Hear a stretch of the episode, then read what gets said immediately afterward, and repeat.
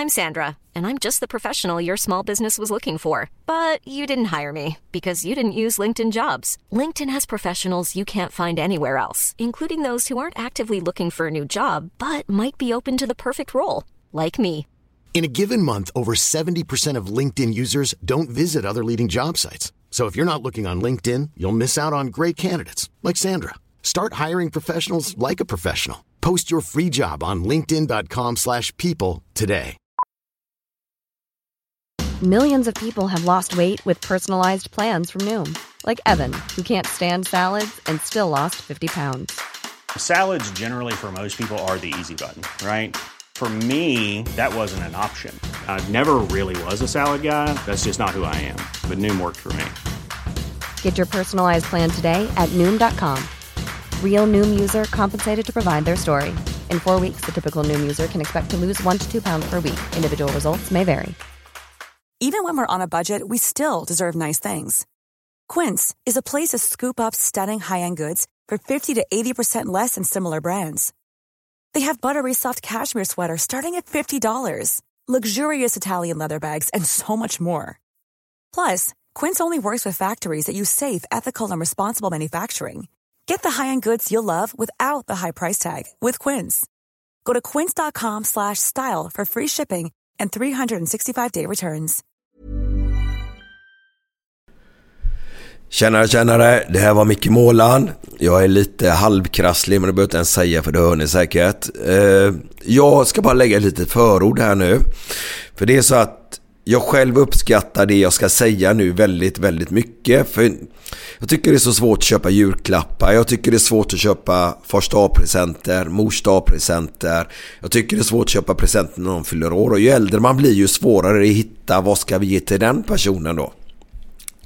Så ni ska få lite tips av mig och det här är ingen reklam utan det är bara goda grejer som jag tycker faktiskt ni ska gå in och kolla på i alla fall då va. Och då har vi någonting, första tipset ni ska få är en grillat mässan. Fattar ni? En mässa med bara grillat. Ja, det är inte bara grillat för det är även dryck där är det också då.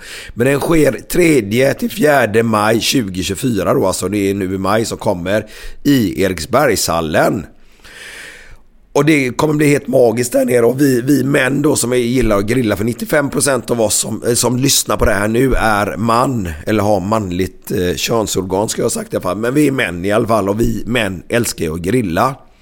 Jag är en sån grillare som gillar kolgrill och då säger alla vad fan ska du ta den grillen och den grillen istället för. Men jag gillar kolgrillen och det, så berätta varför. Det man går bort, slänger på tändvätska. Nej, du ska ha en sån tändare istället säger de. Jag gillar tändvätska. Det brinner på bra. Jag känner lukten. Och sen kan man sitta där och vakta elden. Då får man en halvtimme där i lugn och ro. Och då har man alltid med sig två små kallar ner. Och ska man sitta där i lugn och ro och bara höra och känna lukten och ta sig det. Det är för mig en stund när jag har det jävligt gött denna helt enkelt.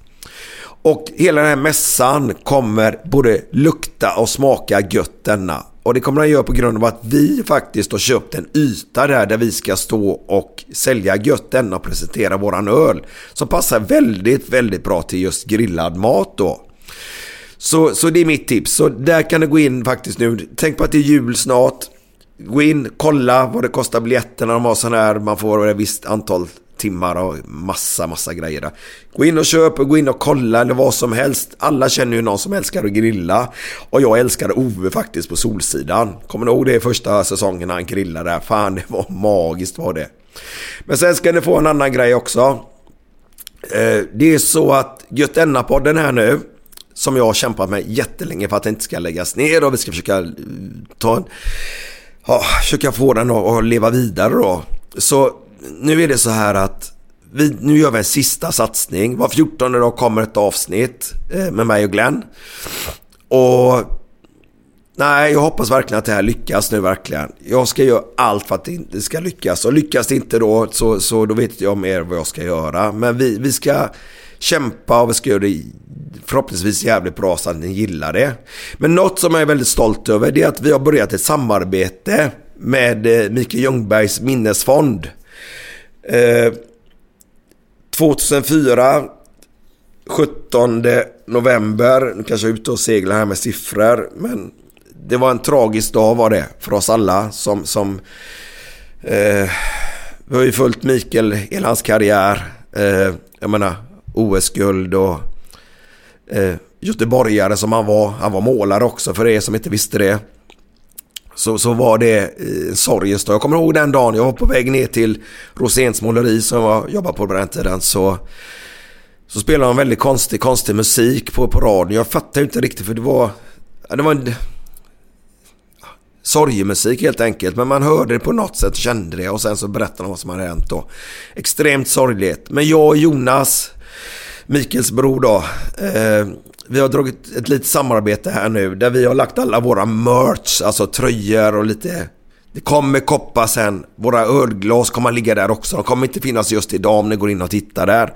Men de kommer finnas att köpa där och allt, allt överskott går till Mikael Ljungbergs minnesfond. Eh, så bara därför kan jag faktiskt säga att då har ni också julklappstips, fars dag, presentstips, ni har födelsedagstips, vad som helst. Jag menar, en tvååring vill väl ha ett Götene-ölglas naturligtvis. Eh, man kan dricka mjölk i det också. Eh, så det har väldigt, väldigt fint syfte. Och den som styr den här sidan nu är Jonas då. Så vi har det här samarbetet ihop. Vi kommer ha lite mer fina grejer på gång här framåt januari. Så eh, har ni ingenting och ni inte vet vad ni ska köpa, gå in på denna sidan. För även där ligger snart Mikels bok också. Eh, och det kommer mer grejer, kommer uppdateras hela tiden då. Men för att hitta det här nu då så ska ni, ja, först är det så här HTTP-grejer i början då. Men då är det gottanna.gustav.se och Gustav med F då. Eh, vissa vi stavar med V, men det är F. Så gottanna.gustav.se där hittar ni lite produkter ni kan gå in och köpa om ni vill ha till, till, till det. Eller du själv kanske bara känner så här att den här grillen ska ut här nu 3-4 maj där. Ja men då vill jag ju dricka min öl medan jag kollar kolen glöder ner, på glödbädden för att kunna grilla. Eh, ja men då vill jag ha ett jävla fint ölglas till det. Bara det är värt det. Eh, men jag vill bara säga så här. Må jag hålla tummarna för mig själv nu att det här ska lyckas nu. Var 14 dag framåt. Och ni där ute som lyssnar, eh, både jag och Glenn, vi gör det här med hjärtat. Och jag hoppas verkligen att vi kan glädja er några timmar eh, var 14 dag framöver här nu i alla fall. Eh, för det är Ja, vi, vi gör det med hjärtat. Ja, god lyssning nu bara eller något. Eh, och ni där ute knegar och alltihopa. Vi har en tuff framtid framför oss. Vi inom byggbranschen. Jag har massa kompisar till mig nu som tyvärr fått av eh, vet du, besked att, att deras jobb är i fara nu. Och det är skit det är det. Men eh, fan, vi jobbar på gör vi. Eh, kämpa på. God lyssning. Ja, välkomna då till Götunna-podden. Men innan vi börjar den riktiga Götunna-podden så måste bara Glenn berätta varför han blir upphämtad av mig nu lite oftare. För Glenn, ska jag säga till våran gäst här då, som vi inte säger namnet på just nu. Eh, vet du att Glenn är Sveriges mest upphämtade man? I hela Sverige är han faktiskt. Han blir alltid upphämtad av alla grejer han ska göra. Så är det nästan Glenn va? Säkert alla ja. grejer, men många. Nej, många grejer ja, i alla fall. Yes. Eh, men Glenn, det är ju så att du måste bli upphämtad nu. Kan du berätta varför? Så under tiden då så kan våran gäst eh, öppna ölen och hälla upp den. Det här ska bli intressant att se hur du häller upp din öl då. Men eh, ska jag snacka om det nu eller? Ja, ja, ja. Varför, varför måste jag hämta dig ändå oftare nu? Det är för att jag hade lite för tung fot på gaspedalen på bilen. Så jag åkte, jag åkte dit för fortkörning på en motorväg. Ja, det var så? Ja, det var alltså 80 helt plötsligt på en 110-väg. Så helt plötsligt så är det 80 på en stor jävla autostrada. Men jag uppfattade inte det riktigt så jag låg i 35 eller 40 km för mycket. Oj, oj, oj. Och då var det en som plockade in mig. Men så här är det, jag ska fråga lite grann om detta nu Glenn. Men den här upphällningen är världsklass. Det är... Åh, jag älskar det jag faktiskt. Exakt så här ska en upphällning vara. Du är på min sida, för Glenn häller upp den helt annorlunda. Men det ska vi ta vidare någon annan gång. Eh, men vad då? Blev du, vart, blev du upp, vart blev du tagen än Glenn då? Det var, här var jag mellan Kärra och Backa på väg från Kungälv in i Göteborg. Ja, på den stora vägen då Yes! alltså? Autostrada är det. Ja. Och där är det 80 helt plötsligt. Ja. På någon jävla sträcka. Och det såg ut jag. Nej, du, det brukar stå Nej. på skyltarna. Jo visst, men alltså, det- jag tycker det är barnsligt att ha 80 på en stor jävla motorväg. Det och det var ju inte bara... Så jag kan säga att det var inte bara jag som hade fel när det gällde det där. Eller fel. Eller jag, jag hade inte fel men... Jo det hade jag. Det det hade jag. Men alltså... eh, Det stod 25 bilar till där inne som hade kört för fort. Och jag förstår dem. För på 80-väg på en autostrada alltså. Det är löjligt. Du blir av med körkortet helt enkelt. Ja, tre månader. Tre månader. Det är ganska tufft. För jag kommer ihåg jag blev av med körkortet men det är ju 1990. Då fick jag två månader då. Ja. Och än så var jag aldrig över den där så kallade 30-gränsen. 30-gränsen är det va? Men det är ju inte bara en gång du åkt fast för Glenn eller? Nej men de andra gångerna är det ju... 8-10 kilometer för fort. Ja, men det är ganska nyligen också eller? Ja, något år sedan och sånt där. Ja, det är Men inte- det var ju inte alls i närheten av det här. Liksom. Nej. Så vet ni där varför Glenn åker spårvagnen där ute nu och ni ser honom så kan ni bara hälsa Glenn, vad har du i körkortet? Ja, får ni ropa på honom. eh, har våran gäst blivit av med körkortet någon gång? Aldrig. Nej. Ordning och reda på det här. Eller är det så att du känner poliserna för väl? Eh, båda delarna kanske. Ja. För Glenn jag, måste, Glenn, jag måste ju berätta att Glenn åkte fast och blev av med körkortet långt tidigare också. Och det här är bara typ 3-4 månader sedan eller någonting kan jag tänka mig. Får hjälpa mig Glenn om jag har Som jag fel. blev av med körkortet? Nej, Nej. som du skulle blivit av med körkortet. Men då stannade civilpolisen Glenn. Och så har han kört för snabbt. Och så ser han att det är Glenn. Hallå, hallå, hallå. "Hå, Det går inte bra för Blåvitt nu då? Nej, det går åt helvete säger Glenn. För det var innan de började vinna lite matcher där. Ja. Och han sa bara ha en trevlig dag. Kör lite, släpp eh, gaspedalen lite Glenn och så fick du köra vidare. Tur ja, det var tur ganska snällt. Precis, men jag, men jag kan ju tillägga att jag utnyttjade ju min kunskap i den branschen jag kommer ifrån att övertyga poliserna. Det var ju till och med någon åklagare som ringde mig om att vid ett tillfälle körde jag ju då påstods det enligt kameran då som, eh, som eh, registrerade min bil i 50 km i timmen för fort och jag överbevisar om att tekniskt sett så, kan, så behöver inte det stämma. Och de sa att ja men det är klart det stämmer, kameran är ju testad. Och jag sa det spelar ingen roll, jag, titta hur bilden ser ut. Eh, Så här och så här ser den ut. Jag vet, för jag har fotat och filmat på det här sättet mer än någon annan, inklusive era tekniker. Det jag ser på den bilden pekar på att det inte stämmer. Och så drog jag många mer detaljer än vad jag hinner med nu här. Och då ringde en ännu högre chef och frågade mig samma sak. Och sen la ner hela caset. Du skojar? Eh, nej, jag skojar inte. Men det är helt sjukt ja. Ja, och troligtvis så har de då ändrat eh, vad de nu påpekar för alla andra som kör så. Så att det går då inte att göra om det tricket från en gång till. Men en gång gick det att göra det. ja men kan, kan du inte bara ge oss en eller två detaljer då på, på, på det tricket? Ja, att eh, rörelseskärpan i sidled var större än vad den var från fronten och bakåt på bilen.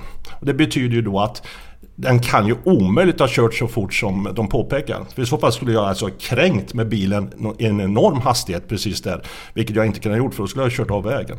Och de, och de hade inte ens tänkt den tanken att man kan titta på rörelseskärpan på det sättet utan de tittar enbart på vad står det på mätaren i den här jäkla vägkameran. Ja, och vem är det som kör bilen? Det är de två grejerna de kollar på ju, ja precis, och i och med att jag var den jag var så kanske de tänkte han kanske har rätt. Och de kanske de inte ville att det skulle bli retroaktivt heller på alla andra som har kört så. Och plötsligt så hävdes en massa domar upp. Så att eh, då la de ner min grej och så hände ingenting. Det här är ett litet nyhetskop kan man verkligen säga då eller? Det, det vet jag inte men det är ju sånt här som händer med mig hela tiden med massa konstiga saker som... eh, Det här måste ju vara unikt. Det kan ju ingen annan ha råkat ut för det här. Ja, alltså ingen annan kan ju påpeka Nej, det som men- jag gjorde eftersom jag då har filmat vä- väldigt många bilar som kör jävligt fort.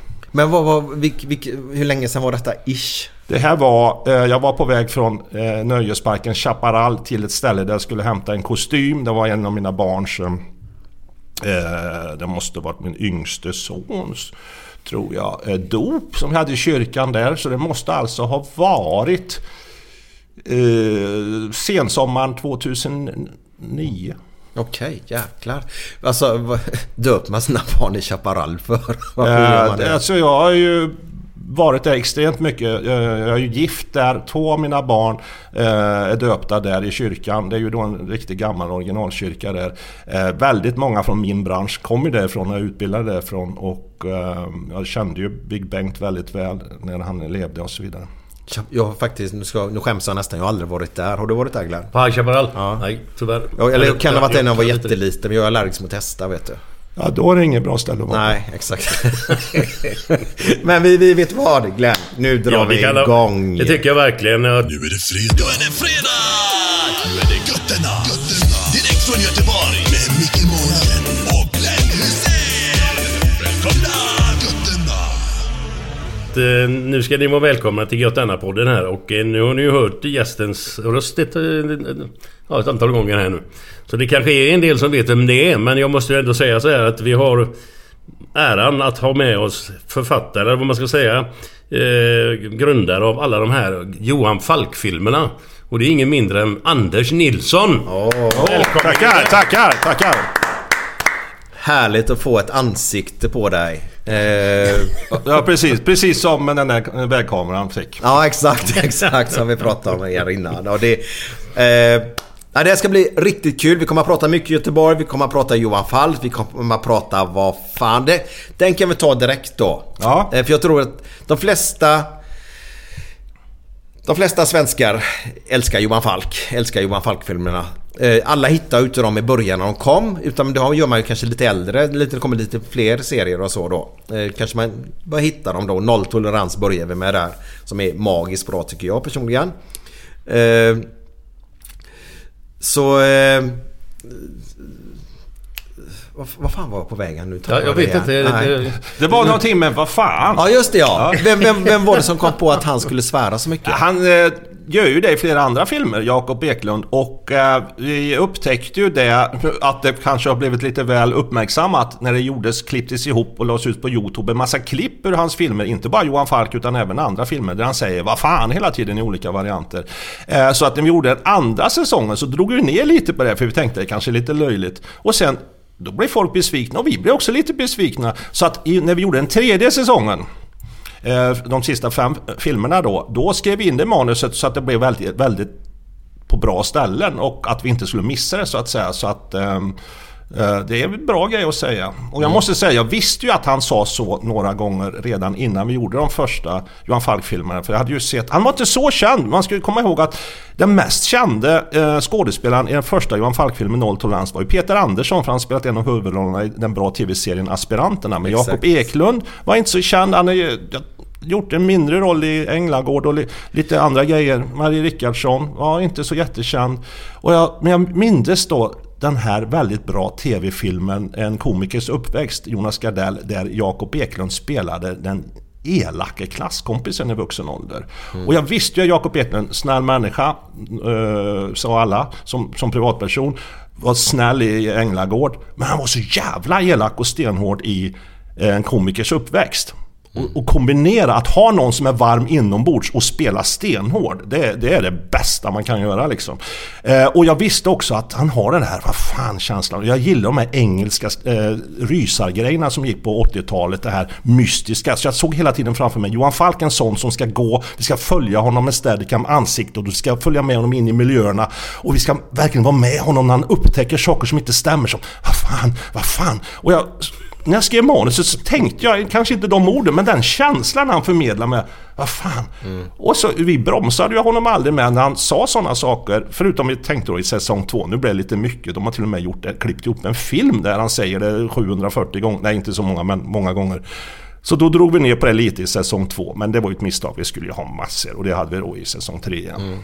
Gjorde inte, du, du, du som är filmskapare då, eh, var inte han och Kajo? Eller Keyyo, eller vad heter de? Kajo? Som var med i de här tre tjejerna som var med, du det? Ja, Pillertrillaren va? Pillertrillaren hette det här ja. Ja, Där var väl han, hade han huvudrollen? Ja, precis. Men det var ju ingen jättefilm så sett så Nej. att säga. Och ehm, jag vet ju att precis när vi skrev manuset till Nolltolerans ehm, så skulle det göras en annan deckare i samma studio. Och det var, jag vet inte om ni kommer ihåg det, jag kommer inte ihåg vad han hette, eh, filmen hette. Men där spelade ju då Micke Persbrandt en mördare som var elak på grund av att han hade en nål i hjärnan.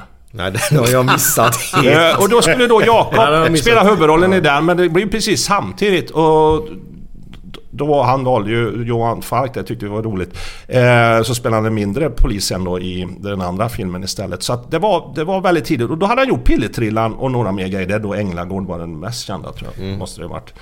Eh, även om det inte var en huvudroll. Men du, vad gjorde du innan? Vad, vad är du har gjort innan de här filmerna kom in i Ja, bilden? 20-25 långfilmer med Mats Helge Olsson och hans team i Lidköping. Åh jävlar. Ja. Och var det, var det typ olika teman varje gång eller? Var det, Ja, var så det var ju olika filmer. Det var allt ifrån eh, Ninja Mission, petade ju ner Clintans film från amerikanska biotoppen. Den, Clintans film då var ju då Ti- Tightrope. Eh, ja, ja. Där han jagar mördare inne på sexklubbarna. Eh, och så Ninja Mission då, den var ju jättesuccé och det var den första filmen jag jobbade på som var då en riktig långfilm. Då var jag 19 år. Eh, och det mest avancerade jobbet jag gjorde på den var ju då att jag var B-fotograf. Eh, och även klippte eh, ljudeffekter och gjorde en del ljudeffekter. Men jag jobbade på den heltid. Det var, jag åkte dit. Jag och min granne Björn Karlström som senare visade sig Gjorde ju också karriär. Han är ju han som har skrivit Jägarna ihop med Kjell Sundvall. Ja. Vi började göra film när vi var 12 års åldern ihop. Eh, vi åkte då direkt efter skolan slutade. då. Eh, jag slutade Älvkullegymnasiet. Och han hade slutat på Tingvalla gymnasiet tror jag, i Karlstad. Eh, så åkte vi till Mats Helge, för vi har varit där en gång och Mats Helge sa Kom ner till mig så gör vi film. Vi är bara fem stycken i teamet, vi behöver några till liksom. Så jag åkte ju ner dit eh, och det var då en inspelningsdag där ryska ar- nej, sovjetiska armén med jeepar och hela skiten kommer och jagar några agenter och det var inspelat vid Söne badstrand som det egentligen inte heter men vi kallar det det. Eh, den här långa stranden där eh, vid Sön, nära samhället Söne, där vid Lidköping. Mm, och eh, då skulle bilarna, ryssarna, ska bilarna åka över en glänt, eh, över en, eh, en- vad heter det, jag kommer över ett krön och ner och så skulle det skjutas och sprängas lite. Plötsligt kommer det då bilar från andra hållet. Alltså en 20 lastbilar med eh, presenning på. Det här var alltså dagen efter skolavslutningen. Jag hade gått ut fyra år teknisk. Det kom 20 stycken lastbilar från andra. Vad är det som händer? Och då slängdes presenningarna av och ut kom, kom det hundratals ungdomar, kanonfulla. För det är ju skolavslutning även i Lidköping. Kanonfulla! Och Mats Helge säger till mig direkt, vi är bara fem i teamet, sju då, med mig och Björn nu då. Du, håll i den här lampan, bara glödkroppen kostar 25 000 vet du. För de var överallt. Och Alltså, alltså jag, jag skojar inte. Det låg folk i varje buske och spydde, söp, kissade eller knullade. Alltså de var överallt. Och Mats Helge sa vi kan inte vänta på det här. Det kommer vara hela natten. Tysta, tagning kamera! Och så kom de här bilarna och så sköt vi av de här sprängladdningarna och plötsligt blev det helt tyst alla ungdomar. De stod där hela natten och bara tittade. Och helt chockade. Nästa dag var det ingen skolavslutning. Nästa natt måste man ju säga för det var nattinspelning. Så då var det plötsligt tomt. Och då sa fotografen, Eh, som är väldigt duktig, eh, Per-Arne Svensson, P.A. Svensson, som sedermera blev då min, en av mina fotografer på flera av Johan Falk-filmerna. Chefsfotograf där. Eh, han sa byt lins i kameran. Jag har hört att du har gjort kortfilmer innan, för jag hade ju gjort massor med kortfilmer innan och sånt där. Och jag tänkte shit, det här är ju då riktiga anamorfiska linser, alltså agaskop som de här svenska linserna heter. Cinemaskop fanns ju ett ett format i USA, men hette agaskop. Ehm, och då bytte jag den linsen och så var jag plötsligt B-fotograf som det heter. Den som är ansvarig för kameran och drar skärpan och så vidare. Eh, Så det gjorde jag väldigt mycket där. Eh, För det var inte så stor skillnad faktiskt på filma på 35 mm. Folk tror ju att det var videofilmer vi gjorde det bara för att de såldes på video i många länder. Men de gick ju på bio många, men de är inspelade på 35 mm. Vissa på 60 mm. Men de Vad är skillnaden? Du måste hjälpa oss. Alltså det är ju så här bred film. Det är ju samma breda film som varit i biografer eh, Nu- nu- nu- som standard. nu- nu alltså han då. t- 35 Jaha, de- mm. de som går på rullarna menar Ja, du? 35 mm bred film. Det är ju samma bredd som det är på stillbildskameror för fast den eh, formatet gick ju åt andra hållet så att säga. Eh, och det här var ju det var inte så länge sedan, för tio år sedan de bytte ut alla sådana projektorer i biograferna till digitala projektorer. Okej. Så att det, det var ju bästa formatet som fanns och A- Agaskop räknas ju som en av de bästa objektiven och, och kamerorna eh, hette då Ariflex 2B och 2C och det är ju anses vara världens bästa filmkamera. Det var ju om du ser bilder på Kubrick när han går omkring med en handkamera så här, det är samma kamera. Eller som när Spielberg filmar action så har, han sådana kameror och inte de här stora klumpiga då som är, som är tysta. Det är, varför kameror är stora det är ju för att de ska vara tysta, det dämpar ljudet för dialog. Men gör man action har man de små. Uppfanns av tys, tyskarna under andra världskriget som frontkameror. Eh, Det var världens första spegelreflexkamera om det säger någonting. Nej. Alltså det man ser i sökaren är exakt det som hamnar på filmen. Jaha. Hollywood hade inte sådana kameror, inte ens så långt in som andra världskriget. Utan de hade en sökare bredvid och sen försökte den vara lika trimmad då som själva kameran. Men eh, tyskarna var framåt där och eh, så det var utvecklingen, alltså den andra och tredje generationen av den kameran som eh, vi använde när vi filmade i Lidköping. Under 80-talet framförallt var jag inblandad då i 20-25 filmer. Eh, Men, men det, må- jag måste bara gå in här nu. Eh, du sa ninjafilmer. Ja, vi gjorde ett par ninjafilmer. Men Ja. allt möjligt. Ett, Sune Mangs får tårtor i huvudet och det var allt möjligt. Och Bert-Åke Varg är polischef. Och det var hur många roliga filmer som helst alltså. Men ninjafilmer, är inte det sorgligt att det inte görs några längre? Eller gör det Jo, det? det tror jag det görs fortfarande. Eh, det, tricket är ju vad som gjorde då, eh, som Mats Helges storhet var ju att han gjorde, folk tänker på Mats Helge som att ja, det var B-films-action. Ja, det som är B-film är ju att det var låg budget och att det var action. Men det var ju inte på något sätt sämre, även att den låga budgeten gjorde ju att allting blev ju inte alltid klockrent. Va? Men det som var bra var bra och det som var unikt med Ninja Mission var att okej, ska vi ha världens bästa farligaste krigare, vilket vi ändå ska spela upp att de här ninjorna är, annars blir det ingen rolig film. Varför ska de ha svärd hela tiden? Varför har de inte k-pistar, elektroniska bomber och det värsta, liksom värsta, värsta? Så det gjorde han. Eh, och att det var kopplat till MI5s kamp mot KGB och att de tog in de här hemliga då, liksom för att infiltrera och göra räder in i Ryssland. Eh, och, att, och, att, sen- och det var ju under höjdpunkten på det kalla kriget. Så eh, det var ju verkligen kul tyckte många, inklusive Ronald Reagan som beställde kopior till sina hangarskeppsbiografer och se MI5 ihop med ninjer bara kriga mot hela sovjetiska armén och vinna. Liksom. Och då be- beställde de era filmer? Ja, de gick ju på hangarfartygen. Eh, och, och jag menar, jag tror det var... Jag kommer inte ihåg om det var 90 kopior bara på Broadway. Och som sagt var, den kom andra eller tredje plats, jag kommer inte ihåg vilket, på amerikanska biotoppen. Och petade ner jäklar. Clintons film, alltså så den hamnade under. Så det är ju fakta. Eh, och många säger att det är Sveriges mest framgångsrika film genom tiderna när det gäller i, i antal visningar. Det går, finns ju fortfarande att se och köpa DVD-filmer och sånt där. Vad, men du måste berätta, vad heter den exakt så våra lyssnare kan gå... Den, den heter The Ninja Mission. Är min Ninja Mission. Ja. För jag, jag gillar ju kaststjärnor och sådana grejer och nonchakos och... Hade de sådana grejer med? Ja, inte någon tjack, men det kaststjärnor var det på några ställen när de skulle ta koll på några tyst. Men, men när kriget började då stod de inte med stjärnor och fånade sig. Då kom ju k-pistarna fram och elektroniska och konstiga vapen med sprängladdningar i sprutor. De skjuter iväg med tysta vapen. Så här, tjum, sätter sig i halsen på folk och de fattar inte vad det är. Och till slut exploderar hela huvudena på dem. eh, och det här var ju på den tiden folk jublade när de såg på sånt på biograferna. Ja, Dock det- inte i Sverige. Eh, det var ju en kvart bortklippt av filmcensuren. En kvart. Men tänk er själva, det var tre filmkopior i Sverige på bio. Och den hade 30 000 tittare på bio. Det är ju inte en flopp. Inte ens det. Alltså det är ju bra. 30 000 tittare, det är ju mer än vad svenska filmer får på 30 kopior liksom, normalt. Det är ju inte många filmer som har så många tittare ändå liksom. Om, om vi tittar på alla 30 filmer som görs i Sverige Nej, varje nej. år. Det finns ju filmer som har t- tusen tittare liksom, eller fyra tittare finns det ju en del som har haft.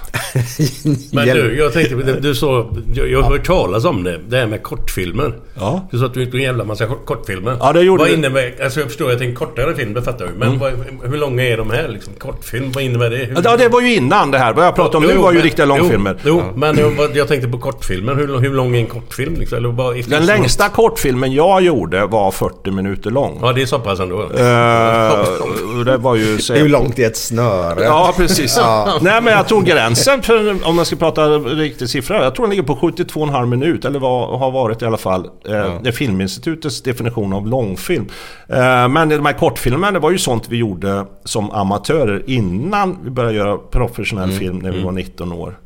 Men bara för att inte tiden ska springa iväg, jag vet inte vad, vi måste in på Ja, det har redan gått två timmar här nu. Ja. En snabb fråga bara. Ja. Vad har du för eh, liksom, idol inom eh, regis... Den den största Alltså, regissören? Ja, det ju, om man ska säga en så är det ju Alfred Hitchcock. Ja, det är så. Ja, absolut. På, på, vad, är, vad är hans storhet tycker du? Alltså filmfilm som vi brukar kalla det. Alltså han eh, utnyttjar ju filmspråket. Eh, han var en av de första som verkligen började jobba med bild så som bild ska användas i film. För att dra in någon i en handling, när inte ens handlingen behöver vara bra. Men när handlingen också är bra, som till exempel i Vertigo och Rebecca och hans bästa filmer och sånt. Då är det ju outstanding mästerverk. Och tänk hur många sådana filmer han gjorde. Han har ju högre ratio på att göra bra filmer än vad Spielberg eller någon annan har haft. Liksom. Vad, vad, vad, vad tycker du om Fåglarna som han gjorde? Alltså ganska bra. Den är ju exceptionell just för att eh, det var ju många riktiga fåglar och sånt va. Men eh, jag har ju även läst novellen liksom. Det, det är inte... Det är ingen jättefavorit men en hyfsat bra film. Ja, jag tycker den är... Man blir lite... Alltså när jag såg... Kommer ihåg man blir lite rädd till och med. Ja, men jag menar det är ju inte så att den känns i magen som till exempel Rebecca. Den kan man se hur många gånger som helst och jag glömmer alltid bort hur, hur, hur, hur brottet har gått till. Trots att jag sett den så många gånger. Så jag är alltid lika förvånad i slutet när det visar sig hur det hänger ihop liksom. Frågan om, det är spe, vet inte, han, eh, Hitchcock eller dig, det är fel på det. Ja, precis det. Eller så det, men det bygger på en bra bok och det är fantastiska skådespelare och eh, ja, det är fantastiskt. Har, har, du- har du någon som, för han hade ju en, Hitchcock hade ju en grej att han skulle alltid vara med i en filmscen. Ja. I varje film som han gjorde. Har du någon sån eh, Nej. grej? Inte just att du ska vara med, men har du någon grej som du vill ha med i varje film som du gör? Nej, det kanske någon utomstående kan påpeka att det faktiskt är så. Men jag, det, det, jag kommer inte på det. Det är ju mer att jag vill att det ska vara bra gjort på vissa sätt som jag inte vill frångå. Sådär. Eh, nej, absolut ingen sån tydlig sak. Jag, jag, jag, jag, jag, är en absolut, jag är den som gör den absolut sista konstnärliga insatsen som skådespelare i den sista Johan Falk-filmen. Och det var då när vi la på extra repliker. Det är när Seth Rydell och Johan Falk flyr från intaget som det heter, arresten. I den sista filmen. Då är det en polis som ropar efter dem och det är jag. Eh, Men jag är även med lite överallt med mina du? röster. Jag kommer inte ihåg. Det var något... Nu måste ni titta på Halt, alla 20 stanna, filmerna. polisen, Ja, något, någonting sånt var det. Ja men det är ju det, det jag gillar ju dessa på grund av att, att man kan gå tillbaka och titta om dem faktiskt. Ja. Eh, eh, Men vi ska komma in på det. Vi vill gå tillbaka till, till nolltolerans då som är ändå så i första filmen. Och där har jag lite frågor. Varför började ni spela in i Göteborg? Mm. Och fick du vara med och casta? För vi pratade, pratade ju om, om eh, Jakob Eklund där. Eh, att du vill ha med honom eller? Ja. Men hur mycket castingen är du med i? Och rollbesätter om man säger så? Jättemycket med castingen. Alltså från början ska ni veta att eh, manuset är när eh, Johan Falk rymmer så hoppar han ut genom fönstret när han rymmer från tingsrätten, glider ner för en slänt och slår magen och viker sig dubbelt över en lyktstolpe precis innan han ska glida under en buss som kommer förbi på Kungsholmen. Det var alltså skrivet Stockholm. Eh, och sen hände någonting. Eh, och, och jag högg på det direkt, inte av ekonomiska skäl utan för att jag tänkte jag tänkte en sak, men det som hände var följande. Vi måste ju få filmen finansierad också. Det finns något nytt här som heter Film i Väst. Jag tror att eh, Johan Falk var den andra eller första eller an, andra filmen någonsin inspelad i Göteborg. Som ett test. Det tog, och de högg inte direkt, men jag satt ju med eh, Göran Johansson heter han va? Ja. Eh, vi satt på middag. Ja, vi satt på middag och diskuterade ska Film i Väst vara med eller inte. Eh, eller vad säger jag, ska Göteborg vara med eller inte? Och till slut så gjorde de det här testet med Johan Falk. Eh, och jag vet inte, de tyckte det var jätteroligt. Annars vi- spärrade av hela Avenyn så att 50 000 människor fick ta en omväg. Men det, det var ju roligt tyckte de ändå. Eh, och, det var, och de hjälpte oss jättemycket med att tända och släcka lampor i hela Göteborg och polisen och spårvagnen och allting. fråga, har du mjölk? Eh, nej, Det här var bra för jag har inga. Eh, Det var ett jättekonstigt ljud bakom mig förut. Hörde ni det? Det låter som att det nu blir översvämning och allting. var kaffekokare. Nu kommer sig helt oviktig information till er som sitter hemma och lyssnar på denna podd. I alla fall, eh, Göteborg. Och, och då sa han på Film i Väst, Thomas Eskilsson, fantastisk person. Eh, eh, han är ju fortfarande eh, nyckelperson på Filminvest men då var han ju även chef för eh, eh, produktionen och så vidare. Eh, han sa, jag gillar att manuset är skrivet för Göteborg. Jag vet inte om man vet om att den var första var Stockholm, men vi var ju snabba där. Eh, och eh, så gillar han Jakob Eklund. Och det var ju redan klart. då. Och jag, som sagt, jag tänkte just på Jakob Eklund. Eh, med tanke på det jag sa innan. Alltså okänd.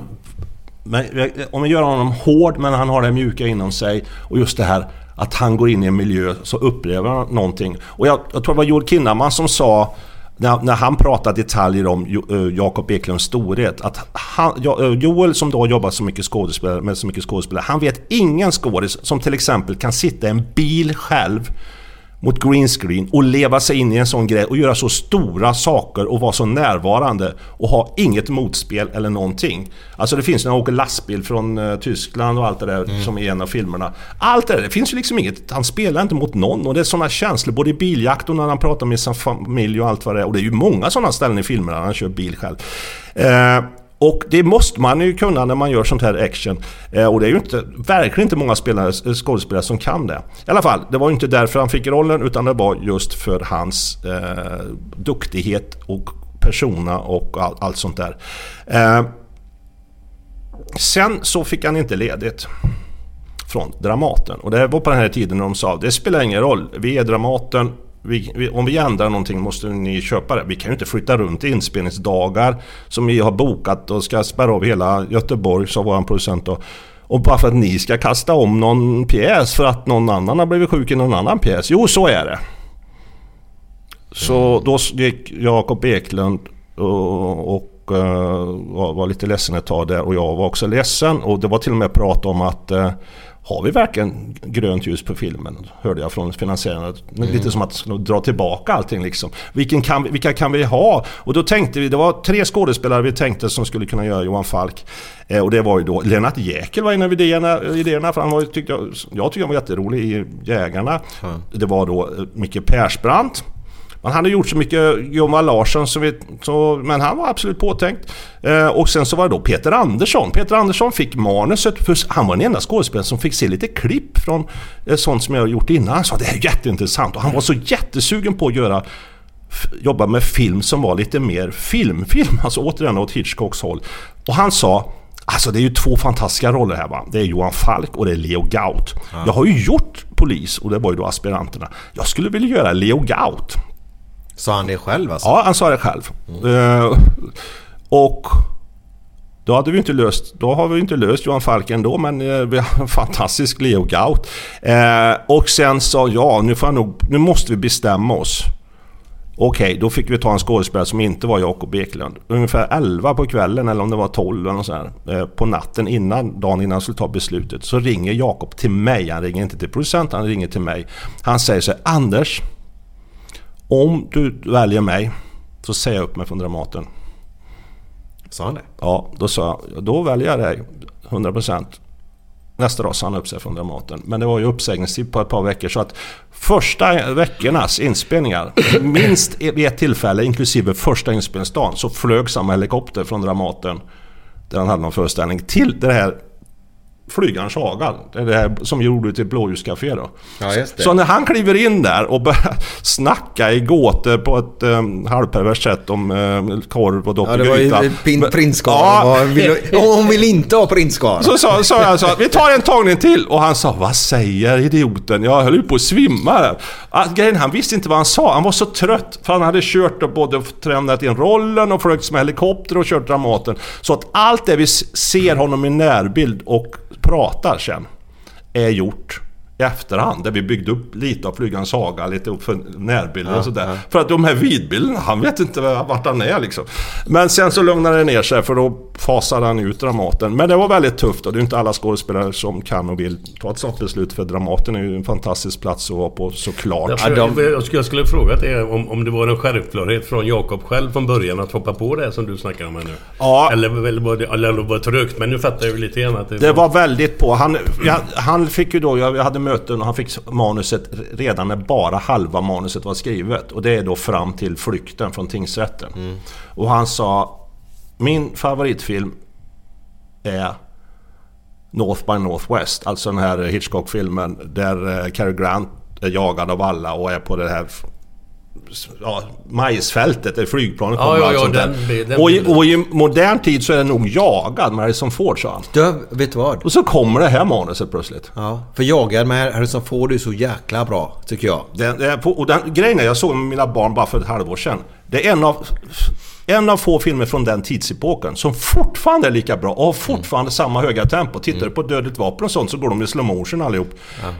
Du, eh, jagad är samma höga tempo som uh, Born nästan fortfarande alltså. Ja, riktigt, riktigt bra. Fast en löjlig fight i slutet med den här läkaren som plötsligt kan karate lika bra Ja, ja. som... eh, Ja. Ja, för han drar väl... Han har ju namn Nej, de är läkare båda två, Ja. kommer jag på. Ja, Nej, exakt. inte han! Han är ju polis. Han kan man förstå att han kan slåss. Utan han skurken. Nu ska jag spoila för alla då. Ja, men han med en halv arm, eller vad är det? Ja, det, men det är mördaren det. Ja, just det. Nu har vi ju spoilat då, men ni har väl sett den filmen. Men han som är skurken över skurken. Gamle kompisen. Den andra läkaren. Ja, ja, ja. Så det är två läkare Ja. på ta- taket som slåss om de värsta karategubbarna. Jo men det, tänk dig ha en- Minus karate Ja men tänk dig ha en mellan två riktiga läkare som slåss där ute. varit snyggt. Ja, de, de skulle ju ha haft någon sprut eller något roligt och kört i knä på någon. Men eh, ja, det var lite löjligt. Glenn, har du sett Jagad? Nej, jag vet ju, jag ser det framför mig men jag kan inte... Den här stora, han skulle iväg till sin dödscell där och sen stora tågkraschen. med- Ja, jag känner igen det Ja. men jag kan inte, jag kan inte placera det riktigt. Fortfarande en av världens största... första Jo men sen kommer ju han kvart. också, den bråiga skådisen. eh, Lee... Lee eh, Ja, han fick ju Oscar för den tror jag till och med. han fick Tommy det, Lee. Jones. Tommy Lee Jones, ja. Han gör ju det så bra. Jag har ju läst manusversionen innan. Mm. Eh, och då är det Tommy Lee Jones som är mördaren. Eh, På grund av att han, han, han är så förbannad för att eh, hans fru dog. Och... Alltså i manuset då. Och eh, den här jävla Richard Kimball, alltså Harrison Ford, valde en knarkare i kön på akuten före. Alltså de väljer ju efter skadorna, inte efter om man är mördad eller inte. Och han accepterar inte det. Och det är därför han står och funderar och är så jävla intensiv. Han vet ju såklart när han gör filmen att det är inte han som är mördaren. Men han behöll det som fanns i tidigare manusversioner. Den här int- intensiteten och det här att han står och funderar så mycket. För det var med även i tidigare manusversioner. Och det blev en grej i sig. Att han går och tvivlar han eller tvivlar han inte? Han säger ju I don't care. Och sen säger han i slutet You do care. Alltså när han, vem, vem som är skurken. Ja, but don't tell anyone, säger han. Och så åker de mot horisonten. Alltså den lilla detaljen i hur en skådespelare gör sina val bi- bidrar ju till en fantastisk grej. Egentligen går han ju bara omkring och säger roliga saker och ska jaga någon genom hela filmen. Och så får han en Oscar. Men det är ju för att han hittar någonting som är, man aldrig har sett i filmhistorien förut och använder det som skådis då. Vad- Du, ja, förlåt. Nej men kör du Glenn. Nej, jag skulle bara fråga. Har det alltid varit action som gäller? Alltså, ingen, inga krämfilmer, eh, romantiska saker och skit och sånt där? Eller? Alltså, ehm, när vi gjorde våra första kortfilmer, innan vi blev 19 år i filmbranschen, så, så var en kompis som sa till mig Du, det här är unikt va? Det här är första scenen vi har tagit. Vi var på Stadshotellet i Karlstad och skulle ha några spioner som kom in. Du ser, det står en tjej vid, vid, vid disken där borta, 20 meter bort. Det är den första tjej vi har haft med i en film vi har gjort. Åh, och det är jättemärkligt. Inga tjejer var med. Hur fan är vi... Det, det är liksom... Glenn. Nej, det var bara action. Det, det, det låter som denna podden. Har ni aldrig haft någon tjej? Ja, det ska Jo, du inte skylla på mig. Nej. Nej, vem ska skylla på då? Nej. Varje gång, varje gång kommer jag med tjejförslag då. Nej för fan säger Glenn. Nej för fan. Nej, nej, nej, nej, nej. Men, men, men om vi vänder på det, finns det några intressantare än just relationerna till exempel mellan den kvinnliga polisen eh, Sofie som spelas som Liz Karlge och gangsten hon ska värva, Seth Rydell som spelas av Jens Hultén. Vet du vad? Jag har pratat med så mycket kvinnor som älskar Johan Falk-filmerna. Ja. Vet, om du får ihop de två så att de blir ett par eller någon, någon sensuell eh, Men, då, men, scen. men då är den dramat slut. Ja, jag vet. De måste hela tiden komma närmare och Exakt. närmare, närmare, närmare, närmare, Och närmare, vet du närmare. vad? De var ju helt tokiga nu i slutet när han tar tag i henne där. Vi ska inte spoila för mycket. Ja, exakt. Och där, tjejerna, de går ju, de jag pratar med, de, de är ju bara, de måste bli ihop. Så säger de i alla fall. Så vet du det vad de säger ute. Men det fortsätter den här boken som ligger framför. Ja. Eh, den vi, är- vi ska komma in på boken sen. Jag har ju lyssnat på den. Ja. Och där, där kommer ju de tillbaka i den här lilla boken då. Ja, och det är intressant. Tjej, det som är roligt med boken, om jag bara får göra en liten, som är lite unikt. För första gången har vi hittat en ytterligare ny publik. Alltså förr var det ju alltid killar 50 år gillar Johan Falk. Men kan ni få en yngre publik, han på TV4 när det skulle börja med det som blev då en serie med filmer. Ja, då gjorde vi det och då fick vi yngre publik, tjejer och killar. Eh, och, och det beror på att det är Joel Kinnaman. Eh, och så skulle inte han vara med så mycket i säsong 2 och inte alls i säsong 3. Då var de oroliga för det, men då visade det sig att det blev ännu yngre publik när han var borta. För det handlade- handlade inte om det. Och nu när boken kommer, vi ska komma fram till, så visar det sig att många tioåriga tjejer köper den. Ja. Eh, och jag tror med, dels är det då eh, influencers eh, som de lyssnar på som rekommenderar den. Men jag tror också att det är ju den åldern man börjar läsa böcker. Vad ska man läsa om inte någonting man vill se fortsättningen på? Man vill ju inte läsa Brott och straff, eller dum jämförelse, men Alistair McLean som jag börjar med, eller någonting annat. Alltså det är ju Johan Falk, det är ju jätteroligt. Då har man direkt karaktärerna framför sig. Så helt ny eh, läsarpublik, alltså tjejer men även killar, men framförallt tjejer i tioårsåldern. Jättemärkligt. Jättekonstigt, men det är riktigt, trevligt. eh, Ja men tänk, men tänk dig själv liksom om man ska läsa en vuxenbok, då tar man den. Ja men Ja, jag ja. tror du har rätt om, det, om de har folk som ser upp det på Instagram eller någonting och de rekommenderar den så går de och köper det. Det, är den makten de sitter på. Men de har också sett filmerna, så Ja. de vet ju vad de får liksom. Ja. Och vad jag tror eh, är storheten med, med Johan, vi kommer komma in på det. Det jag personligen tycker och folk har pratat med tycker, det är det där att man lär känna karaktärerna och följa dem på en resa i, alltså det, det är inte bara mordfallet eller det där som är det spännande utan det är ganska man känner sig delaktig när man känner att man, man kommer hem till någon och så man får följa. Om vi tar eh, Johan Falk då. Eh, från det att han är nolltolerans till han kommer dit ner. Sen kommer han in på, heter det GSI va? Mm. Eh, och sen får man följa det här kärleksrelation och barn och allt möjligt. Det tycker jag personligen är väldigt trevligt. För jag känner mig trygg när det kommer en ny film. Då vill jag jättegärna se den direkt. Är jag fel ute så eller? Ja, nej, inte alls. Det är en av pusselbitarna och grejen är om du tänker Beck och sånt så får man ju följa ett antal karaktärer. Men det är ju väldigt många, visserligen har man sett dem i 50 filmer en del av dem. Men vad gör de då? Jo, de öppnar dörren in till Beck och säger nu har vi fått en ny rapport här och så nu har vi ett nytt bevis här och så går de ut igen. Men grejen är att, eh, och, så finns det då andra hållet, åt andra hållet eh, serier som kan vara kriminalare där man visserligen får lära känna alla människor men det är sånt lågt tempo. Och det, det är naturligt lågt tempo för att storiesarna är inte tokangelägna. Alltså i Johan Falk är ju faktiskt en ticking klock som gör att Allting måste gå fort. Någon är kidnappad och kan dö om några timmar. Eller det kommer vara ett rån om tre timmar och folk kommer skjuta på varandra. Det måste gå fort men samtidigt är vi ju med människorna som har sina vanliga problem så att säga. Eh, och det är inte bara att de öppnar dörren och säger att vi har ett nytt bevis här utan det är verkligen då får vi hänga på dem i en halv minut och så går de vidare i sitt liv så att säga. Och det är ju ett jättearbete att, att konstruera scenerna så att de både har det här tempot och samtidigt att vi är nära karaktärerna.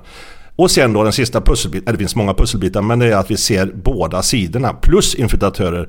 Alltså tidigare, åtminstone de tidigare Beck-filmerna var ju så att kommer ryska maffian så får vi se att de gör någon plan och står i något garage och så får vi veta vad de heter och vem som är ledaren.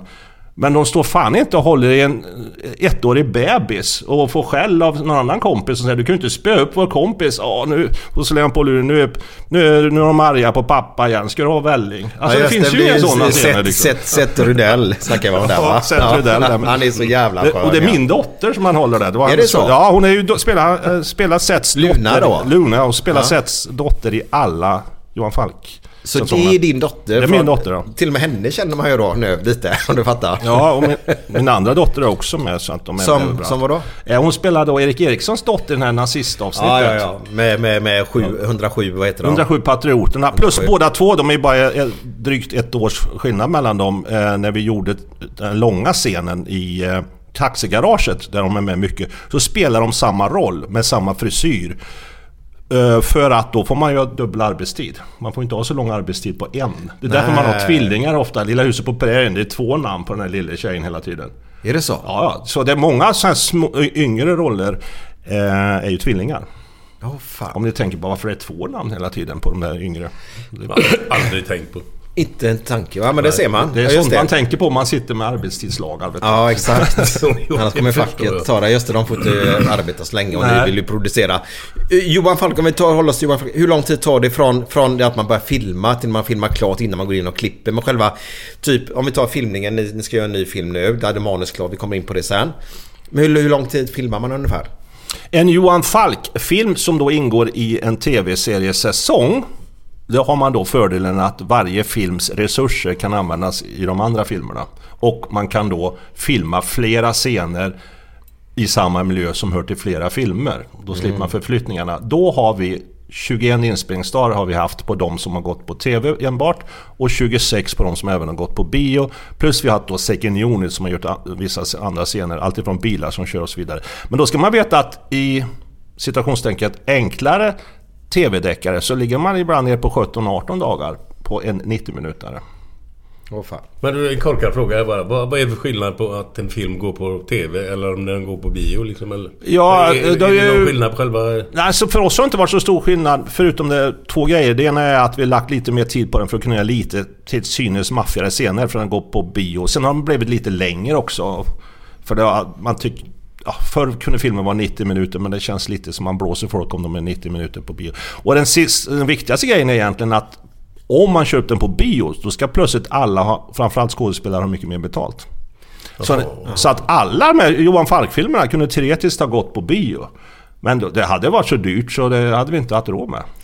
Då, då, okej. jättedum fråga säkert. Men är, har det någonting med att det är så i stadgarna då på något sätt? Ja, eller? det, det finns ju minimigager. Eh, plus också att då eh, agenter vill ju att ska det vara en biofilm här så ska vi ha mer betalt och så vidare.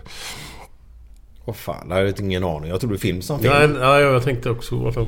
Ja, du gjorde det ja. Ja, men jag menar skillnaden på TV Ja. och film menar jag. Eller på bio. Ja, precis. Men man får olika mycket betalt. Det är säkert samma sak i fotbollsbranschen om man ska spela för Kils AIK eller för... eh, Ja, Jag- skillnad. Jag fick ju dina kontaktuppgifter genom... eh, Eller du fick fråga genom Tok-Conny. Ja, just det. Som är en Just av de härligaste karaktärerna också i, i, i Johan Falk-filmerna då. Ja. Christian Brandin. Mm. Eh, ja, jag börjar fan få minnesförlust alltså. För nu var jag på väg någonstans igen och så tappade jag det tredje gången Ja, men du, kom det. på, du kom på det här med Conny, Tok-Conny, Ja. när jag sa Kils AIK. Ja just det, tack, tack. Det är Eh, andra gången han säger det nu. Jag vet tredje är det till och med. Vi gjorde det innan inspelningen där. Jag skäms, det är något galet nu. Nej, på, Eh, kan det vara stress? Det kan vara, eller så är det det att du också att du tänker flera steg framåt. Ja, så att det du har släppt tyvärr. det som är, Ja. du- just pratar om. Varför man kommer in på det. Jo men det var så roligt för jag började ju asgarva när han sa att du var från Kil då. Ja. Och då, då kopplade jag ju direkt. Ja ja men det är ju därför han gubben, du vet han som blev vittne till när tomten blev ihjälskjuten. Att han är från Kil. Hemma i Kil så då står vi upp för varandra. Här där hade inte de idioterna fått, fått gå runt och hota. För de blir hotade hemma, eller hur? Mm. Är det därför du vävde in Kil där? Ja, alltså det skulle vara en värmlänning och uh, min morsa sa, du måste ta Stig Torstensson och så gjorde vi det. Ehm, eh, han är en fantastisk eh, människa. Eh, han är inte med oss längre. Kil är ju, det är ju två grejer. Dels vad jag med om, eh, ett av de mer berömda mc-gängarna var ju på puben i Kil där och då var det ett jäkla bråk där en av dem skulle lura vanliga tjejer och uh, vid ett biljardbord. Och jag stod och pratade med, som jag uppfattade som eh, chefen för Värmland eller Karlstads, eh, den- då Chapston i det MC-gänget. Det var en trevlig diskussion sådär om film och allt möjligt. Och då sa jag, ska han få hålla på så här sa jag till honom. Och då gick den killen fram och bara slängde ut sin fan. kollega. För att han, för att liksom, det får, det får inte förekomma att varför ska de stå och lura tjejer på pengar liksom? Jaha, gjorde han det på biljardspelet? Ja, precis. Vi vill inte Ja. spela om pengar, men vi, vi kan spela med det, sa tjejerna. Och en av dem var ju min tjej då. Eh, och sen visade det sig, nu vann jag så nu ska jag ha 100 spänn, sa han. Nej, ska Och, och as. de hade pratat högt så vi hörde ju att det var en blåsning. Så han gick och slängde ut killen. Genom att säga, nu, nu går du ut. Och gick han ut och... Var, var, det, var, det, var det någon, eh, var det någon sån här eh, MC, alltså väst... Ja, ja, det var eh, en, två- två en av de mer berömda om vi säger Ja. så då. Eh, Så att det var ju schysst rakt av från eh, ledningen där. Eh, Och det tänkte jag, ja det, var, det kan jag göra om lite att i Kil så hade någon slängt ut honom liksom, Gaut. Men sen det här med korven är ju egentligen det roliga, för det är ju en sann historia. Det fanns ett ganska stort slakteri där, Sk- Sla- Scan i Kil. Och ledningen där, eller de som jobbar med korven, ville ju inte äta korvarna som det var i receptet. För de visste ju hur man gör korv. Så de gjorde ett eget recept. Och det var bara att de korvarna hamnar ju i hela Sverige. Så det blev ju liksom jätteberömt på fantastiska varmkorvar. Jag tror det var varmkorven. Och det receptet hade då en av cheferna i sitt eget kassaskåp. Eh, så när de sålde hela skan sen då kom det ju riktiga receptet fram och ingen jävel som ville äta den korven sen. Så då gick det i konkurs hela stället. Nej. Och då tänkte jag det är ju jätteroligt. Eh, och jag tänkte det var en liten blinkning då. För jag kände ju de som jobbar på skan där liksom. Att eh, nu vet, inte längre, nu vet man inte vad de har i korven längre liksom. Och det är ju ingen som fattar det där mer än de som är från Chile. Det är ju jätteroligt. Så det blir ju jättekult. Ja, det ju- det, är- det- blir lite kult utanför Chile, men i Chile är det en sån kultreplik så jag slår alla rekord. Ja men är inte det när han är och kollar på Frölunda Hockey och Ja. biter i korven där han fått? Ja, precis. Men han, är ju så, han har en sån timing så folk skrattar ju på biosalongerna redan innan. När, när Johan Falk kommer till honom och man tänker nu vill han inte prata då, Stig Torstensson, vittnet. Men istället säger han "Ja, du får bjuda på en korv och nu gör du." Och det är sån skratt för det är så avväpnande naturlig replik liksom. Och sen så smakar korven skit tyckte han då. Ja. Eh, Men du, var, var i Värmland ligger Kil? Det ligger eh, precis vid eh, den långa sjön Frykens södra spets, två mil nordväst om Karlstad. Ja. Stora järnvägsknuten där mellan Oslo och Karlstad. Okej. Och nu får inte du svara Anders, utan du ställer den här frågan till Glenn och han bör ju kunna den ganska enkelt. Vilken OS med, eh, OS-guldmedaljör har vi från Kil? Glenn? Eh, Kil, inte Stefan Holm där då? Ja, Stefan Holm är därifrån, ja mycket bra. Va? Fan, man är inte helt född i en farstu. Nej, det var för att jag ska bara testa Glenn för, för två dagar sedan pratade vi om detta nämligen. Så tänkte jag börja ha det i minnet och det hade du. Mycket Jajamän, bra. jajamän. Mycket bra. Eh, Glenn, har du lite nivåsättning idag? Vi har en eh, punkt i den här podden som heter nivåsättning. Jag tycker vi ska ta det redan nu. Du ska ha niv- ja, nivåsättning och sen ska du avsluta med lite roliga historier också. Okej, men vi kan ta någon här då, då. Vi kan börja långt, lugnt. Vad sa smålänningen när han kom in på eh, gatuköket i Ryssland? Gatuköket i Ryssland. Ja. För det är bra att vi är i Ryssland då eftersom... Det, du, Vad sa, han, vad sa smålänningen när han kom in där? Den har... Eh, Kan, kan, kan jag få Har ni någon bryta? Moskva? Moskva. Det Har ni någon Moskva? Ja, den var rolig.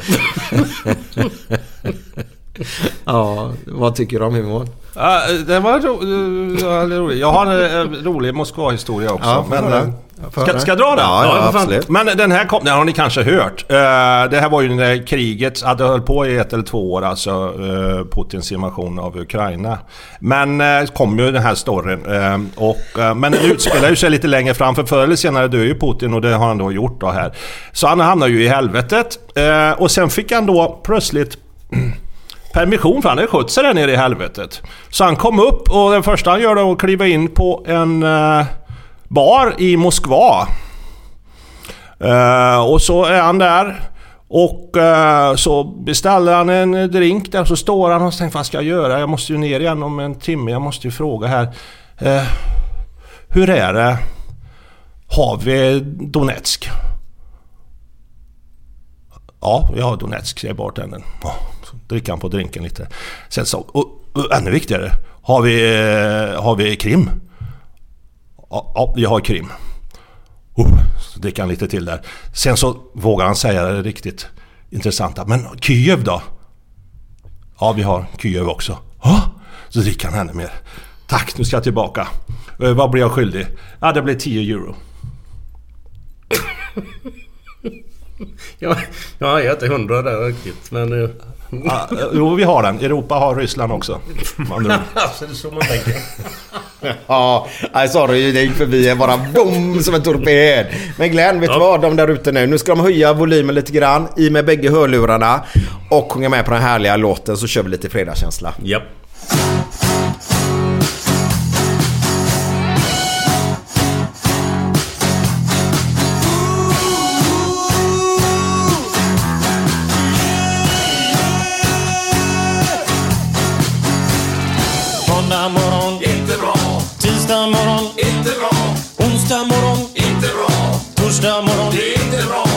Fredag morgon, Frida. Fredag lunch, Frida.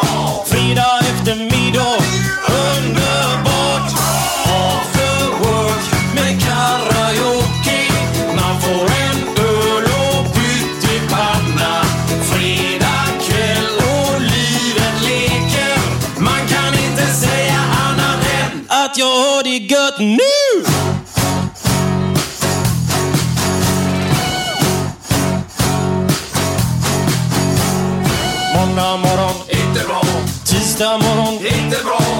Onsdag morgon, inte bra. Torsdag morgon, inte bra. Fredag morgon, lite bra. Fredag lunch, mycket bra.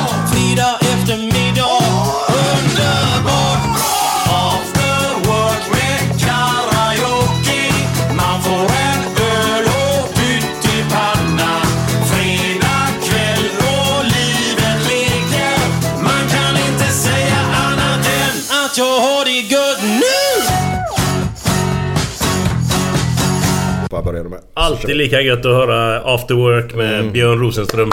Underbart! Den Härligt, håller i härligt. alla väder. Ja, det, det, ja, det stämmer ju. Måndag Jajamän. morgon är ju sådär va? Yes. Fredag morgon. Men som filmskapare, har man sådär...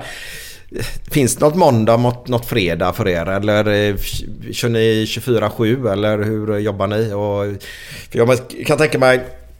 Oftast får man mycket bra idéer när man inte arbetar hela tiden. Vad man inte gör, utan man får någon idé. Antecknar du ner det då? Eller hur, hur funkar du som människa att jobba? Ja, det är ju olika. Alltså, som är man skapare och sånt där så tänker man ju hela tiden. Men jag brukar då, när det är då i filminspelning, lägga undan lördagen helt och försöka hålla bort allting. Och ingen får ringa mig om det inte är så att studion har brunnit upp eller något sånt där. va. Vad Det- gör du på den lördagen då? Ja, då är det att grilla med familjen och och allt möjligt sånt där som så långt bort som möjligt från Mm. arbetet. Så jag planerar inte ens bilder eller något sånt där utan eh, nej, allt bort. Sen är det då de som har A-funktioner på en filminspelning. De har ju då får då extra betalt för att inte anmäla någon övertid. Så de får ju egentligen ja, be, eh, välja sin egen arbetstid så att de kan sköta sitt jobb helt enkelt. Och, eh, men sen är det då alla andra som är då anställda och inte är A-funktioner. Och då kommer vi till en nivå som är jävligt noga efter klockan. Alltså arbetstiden är ju då på en inspelning beräknad från när jobbet startar från arbetsplatsens bas som är, kan vara en studio med kontor och så vidare. Så att restiden bort till inspelningsplats och restiden tillbaka är arbetstid. Eh, och har man då eh, fem minuter Alltså bryter man så att man missar det med fem minuter så blir det ju en halvtimmes övertid ovarnad. Och varnar man innan, man måste ju varna två timmar innan tror jag det är fortfarande. Ja då blir det också övertid men inte lika dyrt. Så att, och det är ju helt att kasta pengar i sjön om man, med de där övertiderna. För det- hade man varit smart och ändå, då är det bättre att ha planerat det och vara lite längre den dagen. För man får ju då planera så att man inte nödvändigtvis måste ha åtta timmar varje dag. Utan man, om, man, antingen planerar man en vecka i förväg eller två veckor i förväg på en inspelningsplan. Och sen så är det då olika klockslag. Och det är ju så i filmbranschen, då vet de ju att så länge man har den här vilperioden emellan, som jag tror fortfarande är 11 timmar eller vad det är, att man måste ha en vilperiod. Eh, så kan, har man ganska mycket marginal att man kan jobba med eh, man får inte ha mer än 10 timmars eh, på varje dag till exempel. Men det kan man också förhandla bort och så vidare. Vilket är svårt men det går. Eh, så att det är väldigt noga när det kommer till den punkten. Men har man planerat så kan man planera ganska kreativt. Eh, så att eh, det finns ju inget värre än när man utnyttjar folk som egentligen inte tjänar så mycket pengar och inte har funktioner. Det är ju jättetråkigt. Speciellt när man har hållit på i branschen så länge som jag har gjort. Det, det vill man inte vara med om. Jag vet att vissa gör det och nu är det värre än vad det någonsin har varit för budgeten är neddragna och alla jäkla tv-kanaler ska göra filmer liksom. Så att det, Ja, okej, så- Och producenten är sämre än någonsin i branschen. Det är ett allmänt, allmänt accepterat faktum. Så jag, jag känner ju folk i branschen som väljer att inte vara med på vissa produktioner för de vet att producenten inte håller måttet. Och det är ofta de pro- produktionerna som fallerar sen också. Och så vidare. Vad är, vad, är, vad, är, vad är det som gör att en producent inte håller måttet? Är han, är han för dålig på struktur eller är han för All, dålig på... allting, det är ju det allting? svåraste jobbet. Hitchcock sa redan på 30-talet att den som, den som måste vara mest tekniskt kunnig på en filminspelning är producenten. Och de är oftast inte det. De vet inte konsekvenserna av sina egna beslut. Jakob Eklund sa ofta det på Johan Falk att nu pratar jag ju gott om mig själv men det får man väl göra ibland då. Eh, han sa att vi, vet, vi tar inte bara rätt beslut, vi tar dem i rätt ordning. Alltså det räcker ju att ta besluten i fel ordning även om det är rätt beslut för att det ska bli ett kaos till slut alltså. Saker och ting drar iväg och då får folk panik på ledningsnivå att Fuskar vi inte här och, och liksom skiter i vissa saker så kommer det ju fallera och det kommer bli en dålig film. Det räcker ju att ett fåtal saker är dåliga i en film för att folk ska tycka att det är en dålig film. Och då får de ingen några pengar liksom. Så, Ja så är det så att eh, det, det finns panik och... och ja. Undrar om inte ni hade... Och nu ska jag låta det vara osagt. Hade, ni har haft spelmaskiner i era... eh, Har inte ni haft det? Eller? Det tror jag inte. Nej, vilken är det jag tänker på? Det är någon annan jag tänker på. Nere på en båt? Nej. Eh, De, vi filmar ju på Tysklandsfärjan i någon film. Ja, nej det är inte den jag tänker på. På Skitsamma, det var någon annan. Men då var det ju... Det skulle vara vet det... Gamla enarmade, ja, men, här, pokermaskiner fast inte de som Svenska Spel har. Men så stod det Svenska Spelmaskiner där och så ska det vara på en svartklubb typ. Och det funkar liksom inte. Och då, ja, då tappar man det lite grann och du fattar. Men du, ja du fattar. Ja, precis. Men vi var på en spelklubb, det kommer jag inte ihåg. Det kan vi nog ha missat. Däremot har vi aldrig missat noggrannheten hur man ska hålla en pistol. Nej, exakt. Jag har en pickadoll här.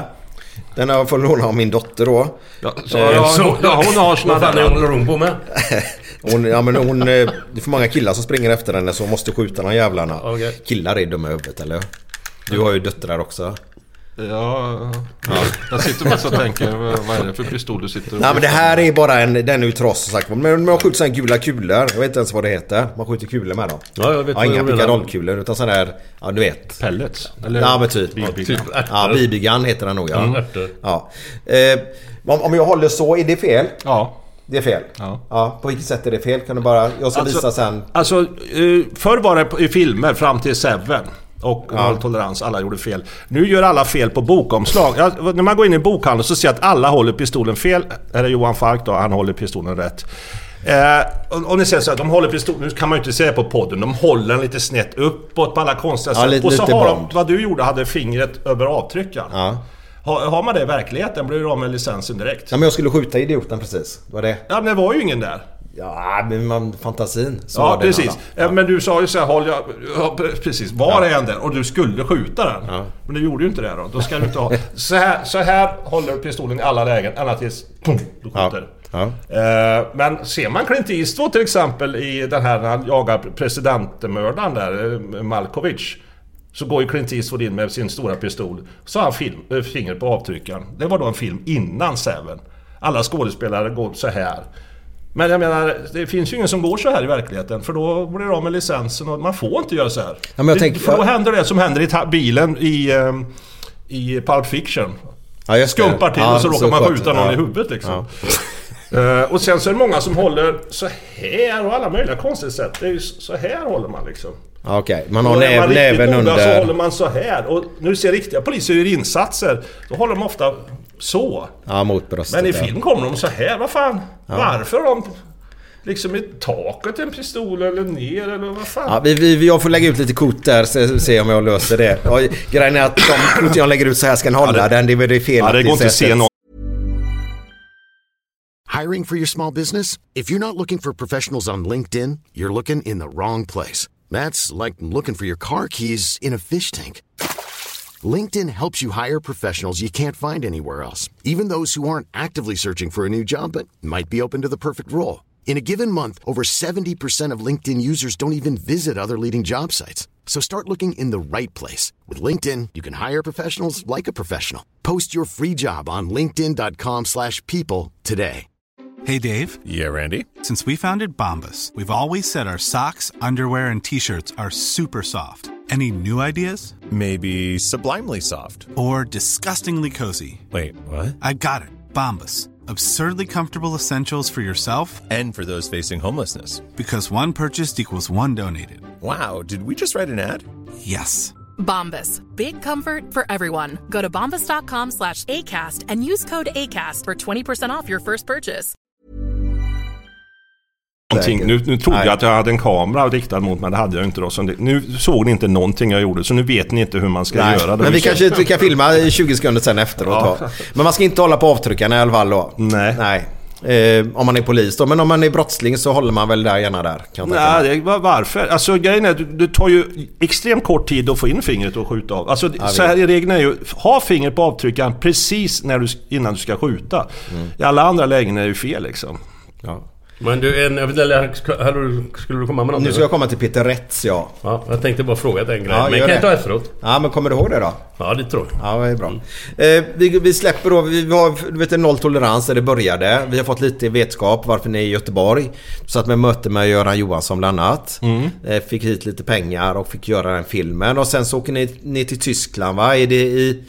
Ska vi, nej, livvakten är ju tvåan. Ja. När ni spränger av henne huvudet. Ja, vi gör ju aldrig det för Nej. de, de lyckas ju. De räddar henne. Men eh, den där, eh, vad är det hon? Colom- Boysen Colom- va? ja, precis. Columbia Necklace som jag kallar det. Okej. Ja, det, det, Bomb, det, själva bomben. Ja. Ja. eh, vad fick ni för respons på den? Det är jättebra. Den var en av de mest sedda biofilmerna i modern tid i Sverige. Som var barn, för att vara barnfilm. En halv miljon tittare. Eh, och många tyckte det var den bästa eh, svenska thrillern någonsin och sånt där. Så att det var ju enorm succé. Och den, den var ju riktigt bra.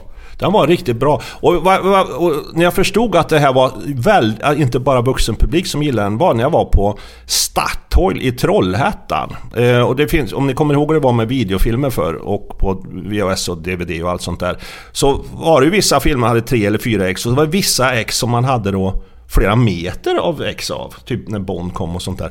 Eh, och då var, stod jag där och skulle köpa en korv eller någonting. Och då var det en familj där som skulle hyra en film. Och så var det två ungar, en sjuåring och en elvaåring såg de ut och, och var. Och då sa eh, sjuåringen Vad är det där för film då? Och då tittade elvaåringen på den och då var det livvakterna. Åh, det där, det har jag hört talas om. Det är som James Bond fastän på riktigt. Ja, den ska vi hyra! Sa sjuåringen.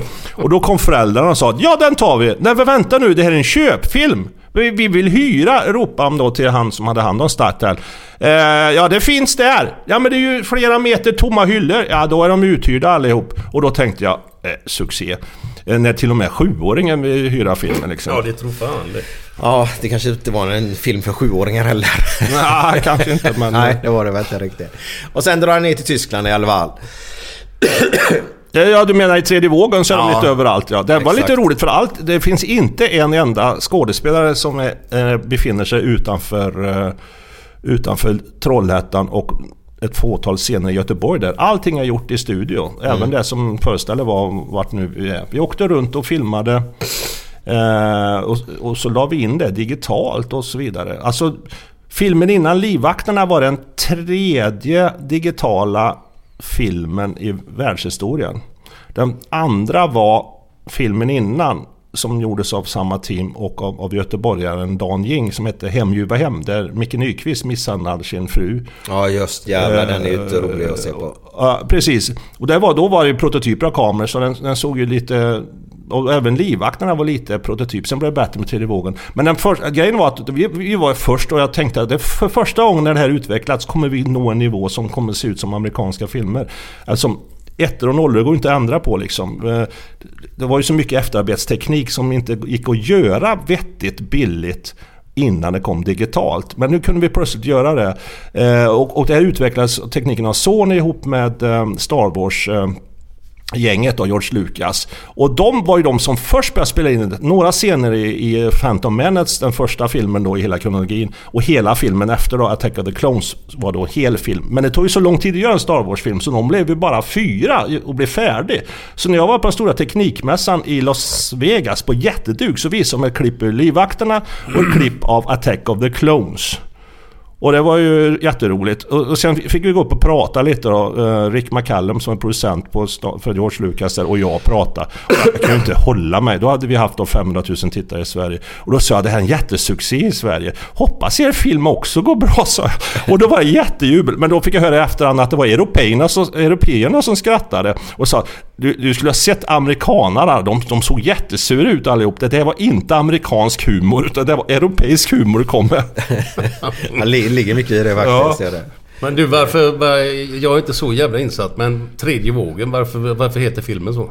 Alltså det är ju ett begrepp eh, som skapades av... eh, Det, det, tredje vågen finns ju flera begrepp som heter just tredje vågen. Men i det här fallet så är det då eh, chef, förre chefen för kontraspionaget eh, som jag träffade 1999 och sen jobbade med fram till hans död. Han beskrev då hur eh, den kriminella vågorna kommer utvecklas i Europa. Eh, och det nämns ju lite i livvakterna och tas upp mycket mer i den tredje vågen. Så det är ju då när det börjar system, system, systemen börjar fallera i länderna. Vilket vi nu ser. Ja, hade du själv kunnat tro den utveckling som har varit? Alltså, Nej men jag trodde ju på samhället då? honom. Eh, Sen var det många som sa att det är fantasi. Men, men Tore som han då hette, han sa att ja men eh, de vet inte. Folk vet inte. Jag var ju en av de första som han berättade för liksom. Eh, och han var ju också när han berättade den här stora, jag kommer inte ihåg vilket år det var, men det var ju en stor så här, finanskris ett tag. Ja, det var ju 08-09. Ja, och han, då berättade han, då visste han ju via Säpo att eh, det var kriminella pengar som o, obegripligt flyttades enorma belopp plötsligt, vilket då skapade allt det där. Eh, men det kom, har jag inte läst någonstans sen att det var. Men eh, det var ju säkert en bidragande orsak, eller kanske helt bidragande orsak, jag vet inte. Men eh, han, grejen var att jag satt ju och precis haft premiär på filmen Noll Tolerans. Och sen så kom en av våra säkerhetskillar som hjälpte oss med vapen i alla år och som även då Hanses grupp, som Vasa Protection som det heter, som en livvaktsgrupp som faktiskt hade riktiga vapen och var en riktig livvaktsfirma. Eh, som filmen Livvakterna bygger på, ett av deras case. Och han sa nu ska vi göra ett möte, vi är hembjudna till en, eh, en man som fått tillbaka sitt efternamn, den förre chefen för kontraspionage. Det var då Tore Forsberg. Jättelegendarisk. Eh, det är, han- det är han som då grep mer öststatsspioner än MI5 och CIA under hela sista årtiondet av kalla kriget. Eller vände på dem, avslöjade dem helt enkelt. Och han hade då fått uppdrag sista tiden av sin karriär att skriva Eh, en bok för Säpo i, ett exemplar om Sveriges hemliga historia. Plötsligt ringer de och säger till honom Nej vi vill inte ha boken, du får ge ut den själv.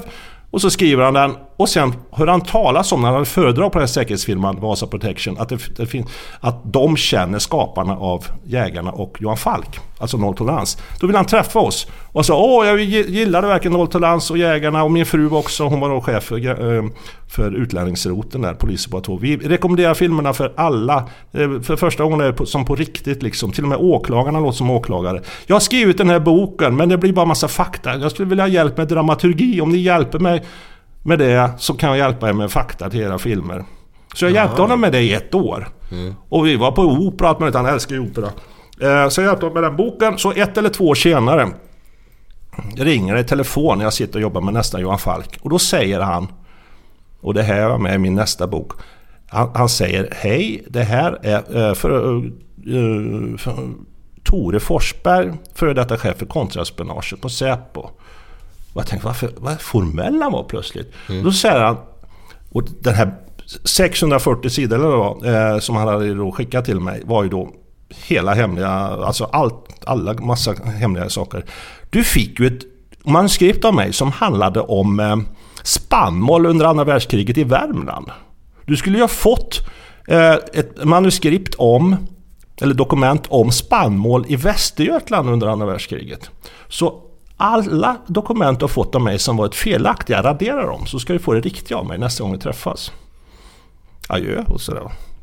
Jävlar, det var det konstigaste jag har hört. Sen tänkte jag direkt, han måste ju ha trott att de var avlyssnade. Sen när jag träffade honom så sa han att och visade sig sen då i flera steg att han hade haft en gryningsräd. Säpo hade tagit hela hans manus, hans frus manus, vilket var väldigt känsligt eftersom hon jobbar på gränspolisen. De tog alla papper, alla hårddiskar och sen de lämnade tillbaka datorerna. Han råkar ju då känna en av de bästa teknikerna på IT-brottslighet då, som var hans agent. Han, han sa de har bytt ut hårddiskarna, det är inte original. Har ni fått tillbaka alla dokument? Ja, allting utom boken jag skrev då, sa han. Och det, så gjorde de såklart Säpo för att då går det inte att återställa en hårddisk. Det finns ju inte en chans för det är inte ens samma hårddisk liksom. Nej. Men han hade ju skickat manuset till mig. Så, så att, och min kollega då, Joakim Hansson. Så när vi träffade honom nästa gång så sa han var så förbannad. Han sa att de ryckte ut det här. Och, så, och det är bara för att han hade då skrivit på säkerhetsavtal. Eh, Men ni har ju inte skrivit på några sådana. Nu ska ni få träffa de här 70 hemliga människorna jag har intervjuat. Och då skulle vi göra film på det. Vi träffade dem och jag, jag jobbade med dem fram till hans död 2008. Alltså det var verkligen de tyngsta namnen, inklusive eh, Oleg Gordievskij, den högsta KGB-chef som någonsin hoppade av till väst. Han var då chef för KGB i London. Alltså för hela England och Danmark. Eh, och han har vi intervjuat och så vidare. Och sen så visade det sig att det går inte att göra film på för det, det är ju lika stort som krigets vindar. Så efter ett långt tag så sa nej vi börjar med att skriva bok, sen får vi se om vi gör film. Så det har jag suttit och skrivit bok på sen vi slutade med filmserien Johan Falk, alltså 2015. Och när jag var uppe i sidan 1200 insåg jag det är för långt, jag får dela upp det i flera böcker. Först, och jag skickade till flera förlag, var många sa, sa att det är fantastiskt men det är för stort. Sen var det då ett förlag som sa vi tar gärna ett möte, tog vi över Skype. Bokfabriken heter de, det är det som står på Johan Falks bok här. Då sa vi vill ge ut den här boken oavsett vad du nu säger. Men du har inte funderat på att skriva Johan Falk-böcker? Och då hade jag av en slump börjat med att skriva det året innan. Eh, och visat på flera förlag. Men de var lite långsamma. Så jag tänkte, ja, jag har lovat det till den andra förlag. Men eh, de ska ge besked nu på eh, torsdag. Ja, men kan inte vi få vara med och eh, vi kan också vara snabba? Ja, ni kan få läsa de här 65 sidorna de, av Johan Falk. Eh, och, och det var tisdag vi hade mötet över Skype. På fredag ringde de och sa Hörde de andra förlagen av sig? Nej. Då trycker jag på enter här sa de. Nu har du tre av, eh, tre förlagskontrakt i din mail på tre bokserier. En på Spionernas krig, det, det jag hade skickat till dem. En på Johan Falk. Och så skulle vi vilja att du gör en spin-off på Johan Falk. För det finns så många härliga karaktärer där i. Och då sa jag, ja man ska iväg på ett annat möte, får jag återkomma? Ja, så hördes av på måndag och så slöt vi kontraktet. Så alltså på sex dagar, och utan att ens att träffas i verkligheten, så, så hade jag alltså kontrakt på tre bokserier. Och då, min första tanke var, det här låter som när filmbranschen var förr. Ser de någonting som är intressant så slår man till, inte nej vi tar det sen, utan det var verkligen pang bom.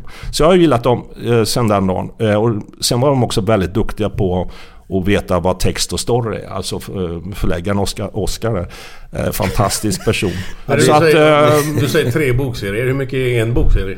en bokserie, eh, minst tre böcker. Ja, ja. Men kan vi gå tillbaka till... till Ja, till- precis. Du, till Peter du Rest? ser här, långa Ja, det, svar. vi började någonstans och vi slutar bland du sa Peter då. Rest, sa Ja, du. exakt. Och jag vill ju koppla tillbaka till det till första då. Mm. TV-serien då med, med, med Johan Falk då. Mm. Eh, och där kommer ju Kinnaman. Vem var det som tog in honom? Eh, det var... Det är någon historia med, men den kanske är intressant. Det, och det är den ju såklart. Eh, vi- hade ju gjort tre långfilmer med Johan Falk och jag sa till och med på någon intervju att eh, nu är det nog slut om inte världen förändrar sig. För det går liksom inte... Efter Europol, där nu Johan Falk hamnade, vad, vad är nästa steg? Interpol blir ju inte intressant. Det måste ju hända någonting liksom. Så då gjorde vi flera andra grejer, bland annat det här med hedersmord, det här eh, När mörkret faller, en film och så vidare. Och så plötsligt stod jag och tittade på TV, det var en repris tror jag från dagen, kvällen innan. Och Robert Aschberg har jag ju känt, för ihop med Mats Helge Olsson så gjorde vi ju en pilot på en tv-serie som heter Nordexpressen. Alltså han är ju utan tvekan en av Sveriges bästa journalister och trevligast och allt sånt där. Även om han ser väldigt hård ut så är han väldigt snäll. Hans eh, program heter Insider tror jag, då, med dold kamera. Så, så ja, konfronterar de olika människor. Och då hade de alltså dold kamera och hade då fått med Peter Rätts flickvän och barn. All, allting var suddade ansikten. De sitter alltså med dold kamera och, och hon vet ju om det såklart. När hon går fram till två poliser på en parkbänk på en lekplats som är helt öde. Och så säger hon varför kastade ni ut min man från vittnesskyddsprogrammet? Han har ju jobbat som agent åt er i tio år tror jag hon sa.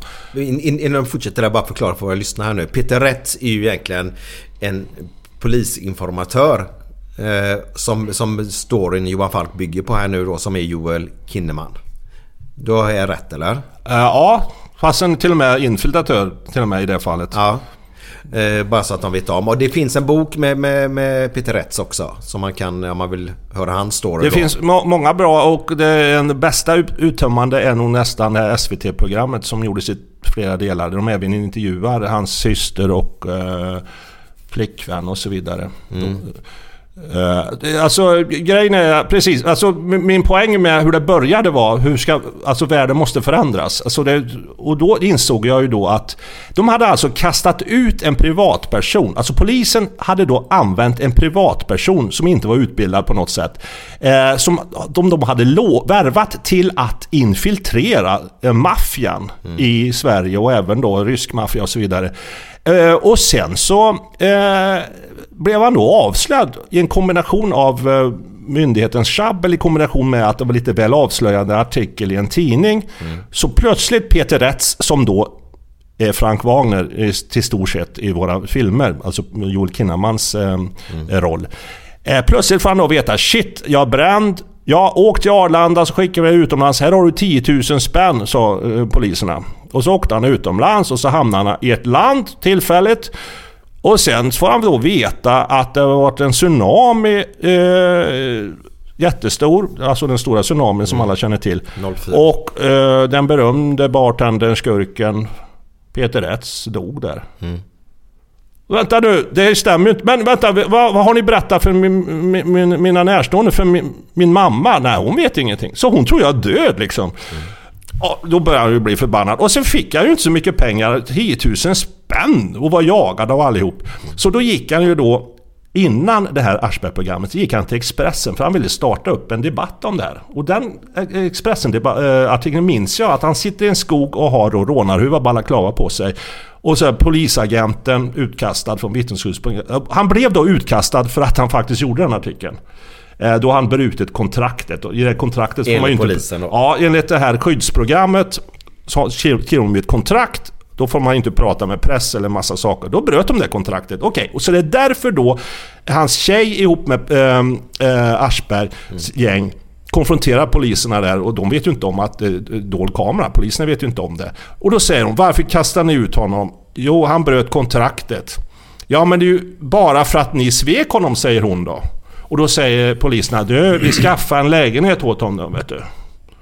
Då säger hon, ja, på en åker mitt emellan Bandidos och Hells Angels lokaler, två av de gäng som han infiltrerade. Det blev lite tyst i några sekunder från poliserna. Då säger poliserna igen, du, jag jobbar hela helgen för att hitta den lägenheten. Det var då jag lyfte luren och ringde till min producent Joakim Hansson som på Johan Falk-filmerna sa nu vet jag vad vi ska göra film om. Och det var inte nödvändigtvis Johan Falk vi tänkte i första varvet. Det kom vi på sen att Johan Falk är ju sån här rättrådig och våra ögon in i allting. Han måste ju se den här skiten. Han måste ju uppleva polisen i den här gruppen som lika konstiga som de kriminella. Och det var ju liksom ingången på första filmen. Men innan jag hinner berätta vad- jag tycker vi ska göra film på så säger Joakim Hansson Jag har en, jag har en annan idé. Får jag dra min först? För Aschberg berättar en helt otrolig grej. Ja men då är det programmet jag sett, då hade vi samma idé liksom. Och då insåg vi, världen är förändrad, polisen använder sig av privatpersoner för att infiltrera maffian och vi insåg det här är ju en hel serie, det är ju inte bara en film liksom.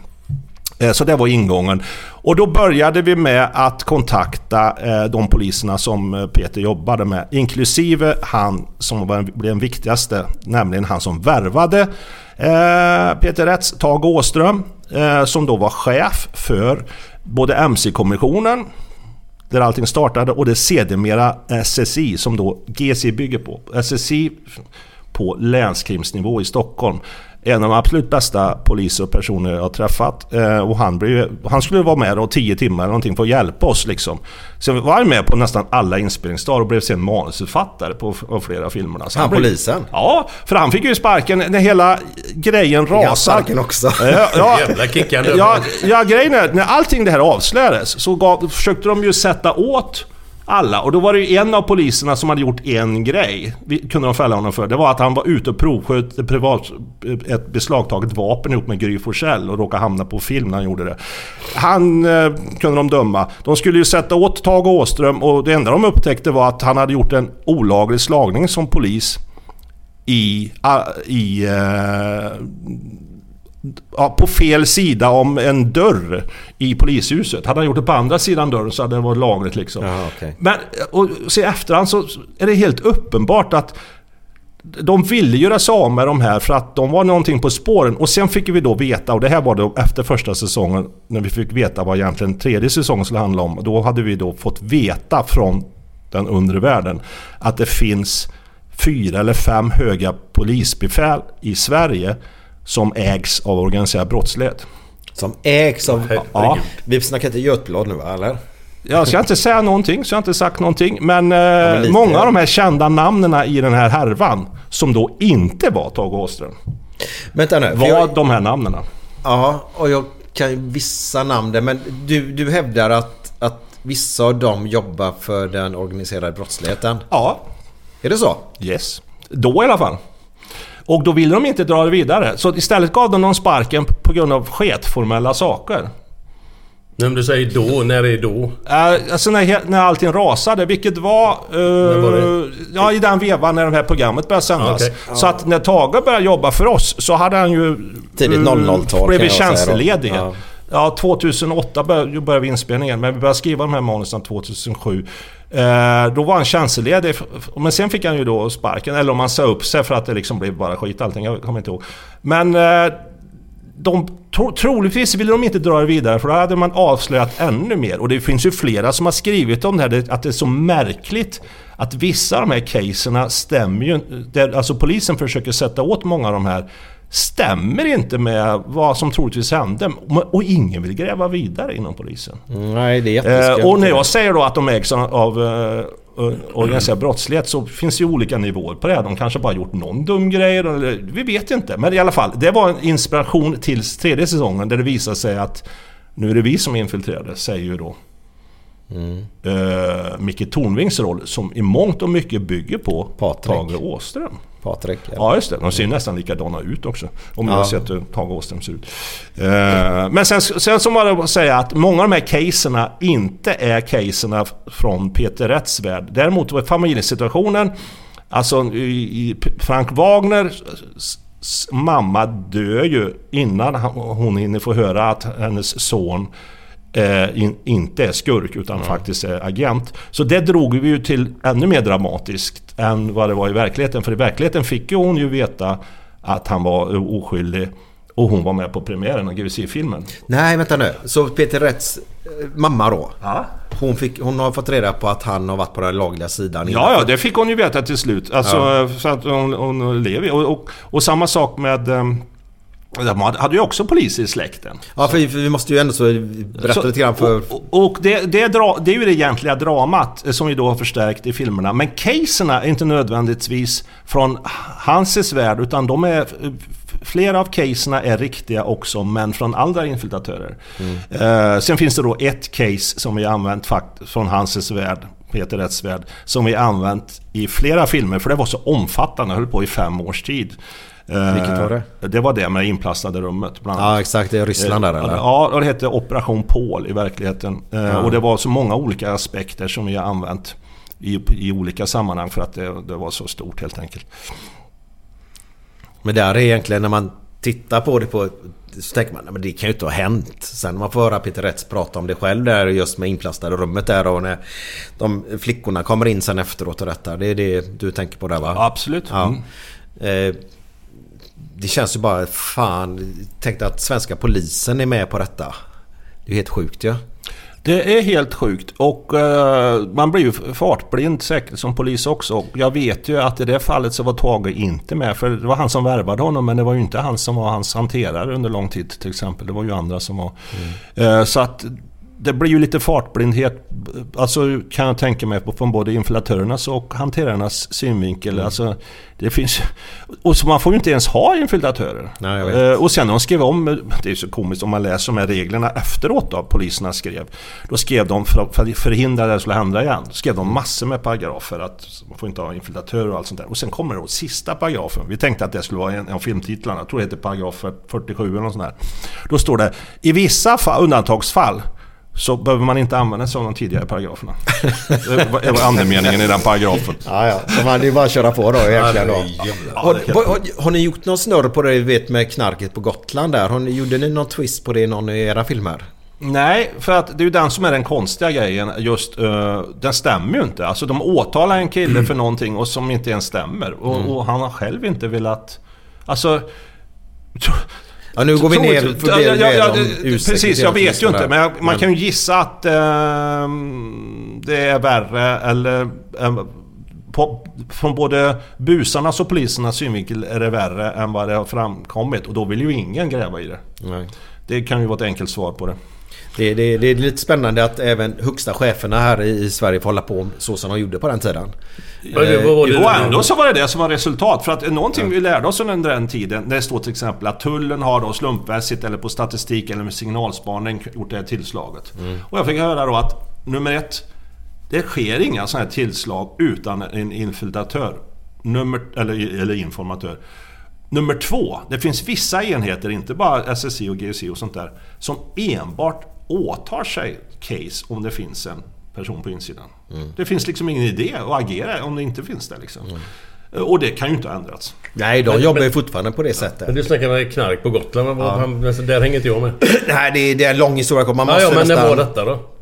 Nej men det var också den perioden med, med, med Peter Rätts där. Och de drar väl, jag tror de flyttar knarket från Malmö va? Till, till Gotland och ska göra affären där istället för de måste få in... De, de ska plocka, ja, du berättar du. Ja, alltså det finns ju många olika aspekter. Jag kan ju citera det som är med i de här TV-programmen om Peter Rättstad. Det är ju lite märkligt att, säger då, eh, får man då veta i programmet. Det känns märkligt att flytta en operation där man ska då snärja en buse. Från ett ställe till ett annat där inflatören inte ens känner till miljön. Och varför ska det ske på ett ställe där det inte ens förekommer sådana här brott mer eller mindre? Men det ska göras. Och sen visar det sig att på presskonferenserna så säger då länspolismästaren där nere att ja, nu, nu har vi stävjat det här kriminaliteten på den här ön. Och så blir då den länspolismästare högre chef i Stockholm sen plötsligt. exakt. Jag vet ju inte om det är sant men det låter ju som en eh, härlig Ja, men konspiration. den, den, helt- den som blir dömd blir ju dömd genom att köpa sitt egna knark också. Ja, det är tvärtom mot Ja vad det är. exakt. Alltså, det- Ja, det. Man, men man måste gå in och lyssna på, Ja. läsa den boken kan man göra också, Peter Rätts där. Det är Ja, jättebra. precis. Jag, det, nu bara återger ju sånt jag har hört och läst. Men grejen är att det, det är så konstigt generellt allt det här. Och så att det passar verkligen att göra film på. Alltså, tänker bara eh, filmen Örnästet med Clint Eastwood och Richard Burton. Den är ju härligt konstig. Där alla blåser alla hela tiden. Eh, och den bygger säkert på några verkligt tankegångar. Tänk nu om en agent ljuger för en agent och ljuger för sig själv och så tror vi att han är skurk. Och så, åh det blir en bra eh, film. Och så har vi ju tänkt när vi gjort det här. Och grejen är ju, vi har ju satt eh, strålkastarljuset på det här. Alltså verkligen. Det finns ju historier, jag ska berätta en jätterolig historia. Jag känner ju verkligen människor från den här polisvärlden. Eh, och vid ett tillfälle så gjorde de ett tillslag. Eh, och det här var ju efter de sista Johan Falk-filmerna. Eh, och Vilken de vill, stad är det? Ja, det vill jag inte säga. Eh, och och ehm, jag kan säga att det inte är Göteborg. Och det är ett helt udda ställe. Så gör de ett tillslag. Och så vill de inte säga var de har sina vapen och pengar eller någonting. Och sen så plötsligt får de här busarna som är unga syn på en i det här specialpolisteamet. Och den som berättar det här för mig vet ju att den personen ser ganska lik ut Jakob Eklund. Jaha. Det är Johan Falk! Och då ser den här polisen, då ser den här polisen som berättar för mig att hans kollega direkt kopplar, det här ska vi utnyttja. Så han vänder ju inte hela ansiktet tillbaka för då ser man ju att det inte är Jakob Eklund. Utan han gör bara så här. Han bara vänder sig lite snett så här, som att Åh, du brände mig va? Bra grabben ungefär.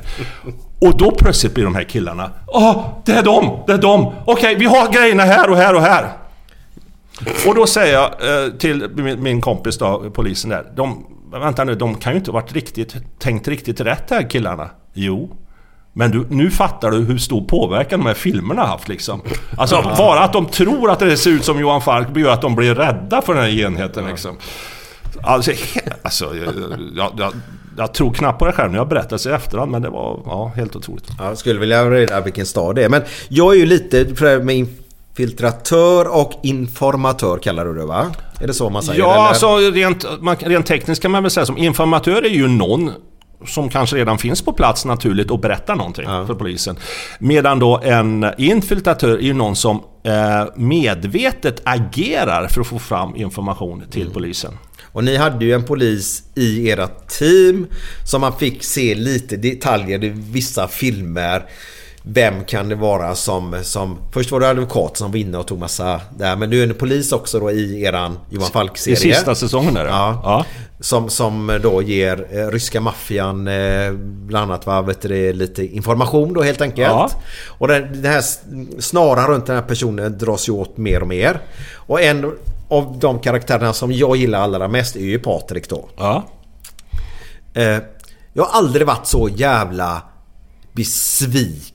Var, var, det, var det du som kom på att han skulle... Ja, jag skiter jag spoilar ute nu. Har ni inte sett det så får ni skylla er själva. Men där när... Eller så lyssnar ni inte i två minuter nu eller? Ja exakt, får sluta lyssna i två minuter. Men han, han blir ju cancerfri, han blir ju friskförklarad. Ja. Då blir man ju lycklig.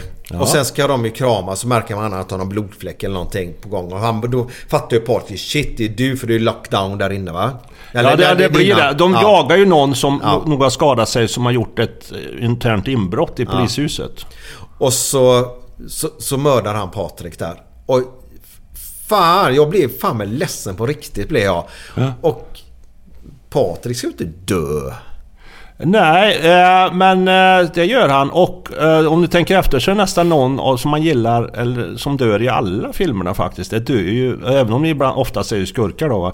Eh, det är ju en av grejerna med Johan Falk, att de stryker ju med som flugor hela tiden. Alltså att det finns då ett en offeraspekt. Att uh, saker och ting sker inte utan att det får ett offer. Liksom. Vi har ju också varit väldigt noga av andra skäl att inte ha det som Jakob Eklund kallar kalanka dramaturgin Som är väldigt vanligt i många andra serier. Att när nästa avsnitt kommer så är allting som vanligt igen. Morden i midsommar. Där de Ja, för fan förvånade när det plötsligt är ett mord. Liksom. Eh, så att eh, det ska hända någonting och det ska bli konsekvenser. Och eh, det var ju ändå näst sista filmen. Eh, I sista säsongen, eller tredje, vi vet ju inte om den kommer mer. Eh, och då, då vill man ju höja, spänna bågen så mycket det går. Men inte skjuta Johan Falk. Så då skjuter vi nummer två liksom där då. Ja, jag blev jätteledsen. Blev jag faktiskt. Ja, och sen måste ju filmerna handla om någonting. Alltså, i filmen innan så var det ju frita eh, GC-polisen som sitter i en bunker där, där folk blir skjutna av rysk roulette och misshandlade med hammare och allt vad det är det Det var ju fram tills den filmen den mest engagerande filmen. Sen kommer den här, de skjuter de skjuter den vi gillar då, Micke Tornvings karaktär. Ja, dels vill vi då jaga den polisen som gjorde det, men också den den som har värvat den polisen till maffian och då blir man ju ännu mer förbannad på den där maffian.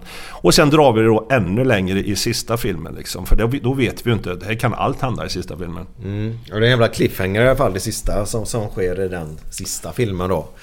Eh, Och vilken var den sista filmen? Det är den som heter Slutet. Slutet. Och, det, och jag var så ångest, hur ska jag kunna göra en fortsättning efter en film som heter Slutet? Och då kom jag på vad fortsättningen ska heta. Slutet var bara början. Ja, det är ju smart. Ja, Jävligt eh, smart. Men det är ju inte bara det. Alltså, såg ni serien Cracker? Den här med... Eh, Nej, nej. Alltså en fantastisk... Eh, Fitz kallas karaktären. Eh, stor och tjock eh, profilerare som jobbar i England. Det var fantastiskt. De hade då långa linjer och avslutande case. Och sen gjorde de en uppföljare efter en massa år. Och då knöt de inte ihop med det som hänt innan. Alltså det blev ju helt ointressant. Så, så tänkte jag, ska jag nu skriva en bok, vilket jag nu har gjort. Så får det inte bara vara samma, att det fortsätter. Det måste ju vara att, ja, det ni har sett i 20 filmer, You have seen nothing yet. Det var bara en ouvertyr. Nu börjar det på riktigt. Ska ju då vara känslan. Och det är så jag bygger upp det här, att slutet... Och då passar det titeln även till det. Slutet var bara början. Nu jävlar! För vi, vi ska komma till det. Ja, exakt. Du har ju precis släppt en bok. Vi har inte varit jättetydliga med det innan. Men du har släppt en ju- bok nu som heter Johan Falk. Slutet var bara början. Jag har lyssnat på den. För jag läser inte böcker. Jag lyssnar på böcker istället. Eh, mycket bra. Kan jag rekommendera alla att faktiskt... Eh, gillar du Johan Falk så ska du in och läsa. För om jag har förstått det rätt. Om det skulle bli film då. Antagligen om det går på, på bio eller om det går på, på TV. Den kommer inte filmas då eller? Nej, och inte de två följande heller. Utan Men du har gjort manus? Vi har manus till... Eh, om det här är 21... 21 eh, story 21 då. För det är Ja. ju 20 filmer. Sen, det här är 21. 22 23 är böcker. 24 och framåt är filmer igen. Eh, för att det, alltså, jag vill ju då inte göra böcker på filmer eller filmer på böcker. Utan Nej. varje grej ska vara en unik produkt. Och eh, jag, jag tänker Marvel och Star Wars gör de ju samma sak. Att de kan ha hela serier som utspelar sig mellan film 4 eller 5 eller sånt där. Det funkar ju. Och så kan jag göra här med. Just för att det passar faktiskt med storyn. Och de här story, storiesarna, framförallt boken som kommer efter och boken som kommer efter den. Hade varit omöjliga att göra som film. För att Ja, de är så extrema. Och det vill jag inte spoila varför de är extrema. Men Men tänkte du redan så när du bestämde dig för slutet, att den skulle heta Slutet? Hade du det här i tankarna redan då, som du snackade om nu? Nej, vi ville ha sista filmen sätta slutet. Så Ja. för att det skulle bygga till att då vet alla att allting kan hända. Och det är den sista Och nu är filmen. det slut. Ja, om inte världen förändras. Nej, nej. Och det gjorde den ju 24 februari. I kombination med att nu är det 13-åringar som springer omkring med maskingevär. Och Mm. allting hänger ihop. Alltså, de säger ju Säpo själva också att vi hade inte sett den här utvecklingen riktigt som vi ser nu om inte det här invasionen hade kommit av Ukraina också liksom. Alltså det är en urspårning. Och i alla dessa urspårningar då vill man ju se någon som Johan Falk som kommer tillbaka och åtminstone försöker styra allt till rätta alltså. Mm-hmm. Så, så eh, den filmen Cliffhanger har du säkert sett va? Filmen Cliffhanger? Ja. Du menar när, Sylvester Stallone. när han hänger på en klippa? Ja, exakt. Den såg jag på bio och den fick så här svindel faktiskt. Eh, Men det finns ju en annan serie. Tyvärr går det ju inte för dem att ta upp den. Men jag gillar Cliffhanger de hade i sista, sista, av sista, sista scenen där. Och det är ju Sopranos. Mm. Ja, Jag tycker det är magiskt i slutet. Ja, det är helt magiskt. Särskilt om man eh, tänker efter. Jag tror jag vet vad, vad som hände. Ja, berätta då, för grejen är så här. Det, eller grejen är så här, så kan jag inte säga. Vad jag tror, inte, inte vad som är själva slutet, men det är upp till dig som tv-tittare, eller ja, serietittare då, att vad tror du hände? Är du med? Alltså man, man själv får ju tänka sig. De flesta säger så, nej men det kom in en gubbe och bara sköt ihjäl alla där. Eh, För det är så häftigt, den stängs ju bara där och så blir det svart. Mm. Och så hör man ju bara, man, man hör det egentligen bara att dörren går upp va? Och så blir det svart. Ja, det vet jag inte ens om man hör det. Utan det blir bara svart tror jag. Men Ja, det kan man, kanske höra någonting man, man, man hör någon som kommer in på den baren. Har du sett det här Glenn eller? Men det, men det kan ju vara dottern. du menar. Du menar, kom inte dottern in också eller? Eller hon kom in strax innan eller? Ja, för de sitter ju nere vid bordet. All, alla familjer, lycklig familj runt typ ett sånt där bord som vi sitter på nu då. Mm. Och sen hör man dörren öppnas, det blir tyst och så hör man dörren stängs och så blir det svart.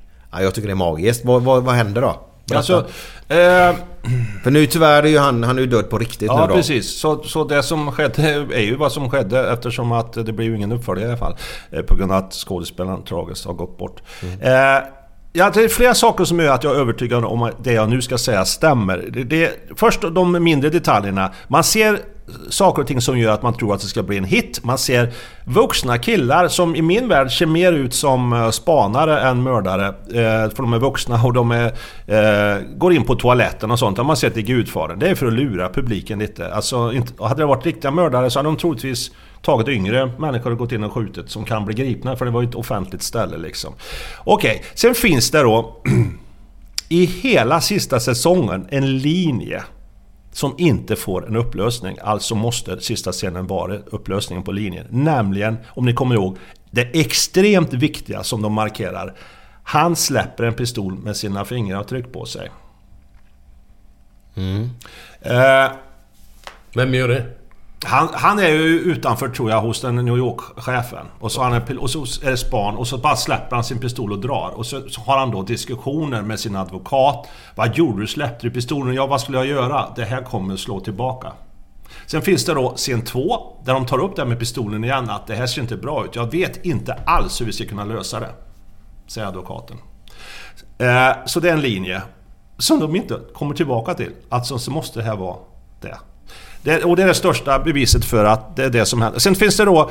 Men vad är det som händer då? Jag Ja, nu, nu ska jag komma fram till Ja. det. Sen har vi an, de, den andra aspekten när han pratar med sin eh, svåger tror jag det är. Han som gillar...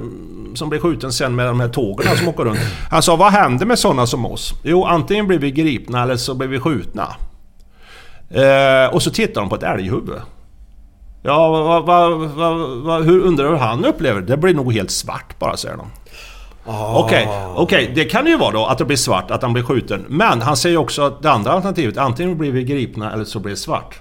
Men nu har vi den viktiga linjen, den här pistolen, inte fast. Och de har till och med med den som recap. De hade ju sån här eh, förlängning, nio avsnitt som det hette. Det hette någonting i USA. Man kör 13 avsnitt och sen ibland får de en extra beställning på avsnitt, nio avsnitt till. På de här långa serierna. De har de inte så mycket på Netflix och sånt nu, men det hade de förut på vanlig TV. Okej, nio avsnitt till. Vad börjar det nionde avsnittet med? Den här jävla pistolen när han släpper den igen. Man får se det. Okej. Vad betyder det? Vad säger advokaten? Det här kan jag inte lösa. Det kommer slå tillbaka på dig. De kommer ta dig. FBI alltså. Finns ingen fortsättning på den scenen. Det är sista scenen. De tar honom. Det var som fan. Finns ingen annan förklaring. Alltså i så fall har de ju gjort skit. Alltså i så fall har de byggt upp det fel. Det har de inte gjort. Han är gripen. Så han blir gripen, Punkt. ja, Eh, och eh, sen gör de svart då, bara för att förvirra lite och att det är slut. Ja. Eh, det är klart, de kunde ha haft sluttexter men uh, blir de helt svart då är det ju för att lura dem lite ännu mer att de blir skjuten. Men det är, är han inte. Nej. Han är inte skjuten. Han är gripen. Tony Soprano sitter på livstid va? Eller vad han nu sitter på. Ja, nu sitter han verkligen på livstid där han sitter. Eh, men det är ju lite... Okej, fan du, du, tänker, ja, du tänker ju ytterligare ett varv. Eller ja. Du går tillbaka och tittar på det och ser detaljerna som inte jag ser på det sättet då. Fan vad smart. Så men, men håller du inte med mig? Att Det kan ju inte vara något annat. Om det nu jag säger stämmer så att säga. Ja. det är min Men det låter Men- ju Jo men, jo men samtidigt så var det där att det blir svart då. Ja.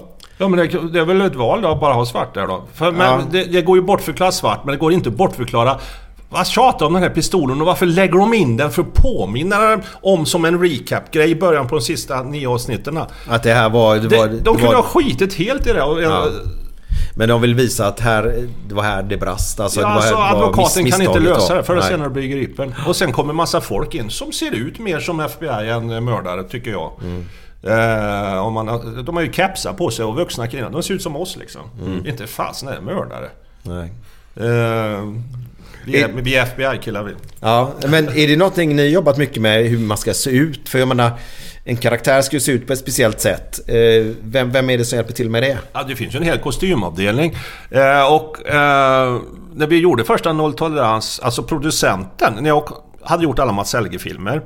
Sen så hade ju då min granne Björn Karlström, vi försökte få igång en film om jägare.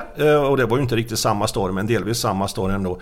Alltså, så åkte han till Stockholm och jag efter ett tag hos Mats Helge, jag var kvar hos Mats Helge och han var, han var en av de första som köpte Mac-datorer. Björn Karlström, min granne som gjorde filmer när vi var små. Eh, och sen så hade vi, när vi skulle åka upp och göra film efter skolan, innan vi träffade Mats Helge, så var det bara två som vi pratade med oss. Produktionsledaren på Europafilm samt Pelle Berglund. Om kommer ihåg. Han gjorde första Cockroach och han var med, en av de här programledarna i Rassel. Den här med kulan som åkte fel. ja. Ja, ja. Och allt det där. Eh, och då skulle han, han göra en Jan Guillou-film som heter Cockroach och, och eh, Björn fick göra lite second unit för han hade jobbat som Mats Helge och samtidigt kom där upp en kille till samma bolag som hade fått Eh, utvecklingspengar för han var då militärdykare eh, och hade varit med om dykarolycka så då skulle de jobba ihop och så, vis- så hittade de varandra och det var då Björn Karlström och Joakim Hansson som har producerat alla Johan Falk. Han har gjort massor med grejer. De producerat den här Avgrunden nu som gick på bio, det Kiruna rasar och så vidare. Så vi har gjort massor med saker ihop. Och hans pappa var då, sam, eh, var då eh, Lars Hansson jourkommissarie på polishuset i Göteborg, samma yrkesfunktion som sen Lennart eh, Hjulström spelar i Ja. Falkfilmerna. Och när jag kom upp till Stockholm efter de hade gjort Jägarna, för de, de, de träffade ju eh, Kjell Sundvall där och tände direkt till när han sa Film med operamusik, de har ljud, eh, tjuvjägarna har ljuddämpare på gevären. Det här är inte svensk film, det här måste vi göra. Så gjorde de Jägarna, ingen ville göra SF sa nej. På, och den nej-beskedet hade de inramat i tio år där på här film. Sanders ville göra den och så gjorde de den. 700 000 biotittare, jättesuccé. Jag åkte upp till Stockholm och sa det går ju faktiskt att göra såna här filmer som ingen sa att det gick att göra. Ja vad kul, ska vi inte göra Sveriges första riktiga polisfilm säger Joakim Hansson. För han har ju pratat mycket med sin pappa om att eh, svenska filmer gör ju allting fel. Liksom. Det är ju inte så i verkligheten. Verkligheten är ju faktiskt ännu mer intressant. Och så började vi skissa på nolltolerans och så gjorde vi den. Och sen när vi var då i Göteborg med kostymavdelningen så ska vi ju sätta riktiga kläder. Nu kommer ju svaret på frågan då helt enkelt. På karaktärerna. Och då hade Lennart Hjulström sett någon deckare där polischefen hade någon rolig t-shirt och keps på sig hela tiden. Och såg bara rolig ut. Ja, det är mycket 70-tal och då- 80-tal där ja. Lennart Hjulström, Polisen i Strömstad, Har de? Nej, det, det, det var ju ännu tidigare. Men varför har de så konstiga kläder på sig alla poliser? Chefer var det då. Eh, och då, fråg, då var Lars Hansson där, eh, riktiga jourkommissarien. Då frågade Lennart Lars då. Men har ni så konstiga kläder på er som, ni, som de har i svenska deckare? Nej, vi har vanliga kläder. Som så här. Ja, då vill jag också ha vanliga kläder som är på riktigt, sa Lennart Hjulström. Och då tittar jag och producenten Joakim Hansson på varandra liksom Yes! Jag har hittat rätt. Vi ska göra som det är på riktigt, men det här riktiga som vi aldrig visat förut liksom. Och det, det är ju också en stor framgång också som vi inte nämnde förut, det är ju att det är inte utredande filmer. Det bygger ju inte på Agatha Christie som nästan allting gör. Alltså de hittar ett lik i biblioteket och nu ska man räkna ut vem som är mördaren och under tiden får alla poliser skälla på varandra så blir det drama också. Typ Gunvar Larsson och Beck då. Nej, det här handlar om konfrontationen direkt mellan poliser och och skurkar. Hockeymatchen som Tage Åström kallar det. Och har man infiltratörer blir det ännu intressantare för vissa hockeyspelare vet man ju inte vilken sida de tillhör då. Och det är ju då en grej med Johan Falk att det är inte utredande, det handlar om nu ska vi ta dem, vi vet det är skurkar men hur fan gör vi liksom? Så då, ja, så realistiska kläder som möjligt helt enkelt. Men så- såklart, sen håller man dem i en viss färgskala för att det ska passa och så vidare men... Eh, eh Marie Flykt heter hon som vi har använt på alla filmer eh, och hon är otroligt duktig på detta med kläder. Hon ringer ju till tyska polisen när de vill ha tyska kläder liksom. Är det tyska investerare med i Johan Ja, Falk-filmerna? Ja, det har det varit ofta hela tiden. Eh, Har vi någon tysk skådis med det? För i, i Beck vet jag, det är ju en gubbe där. Det ser man, han är ju dubbad jämt.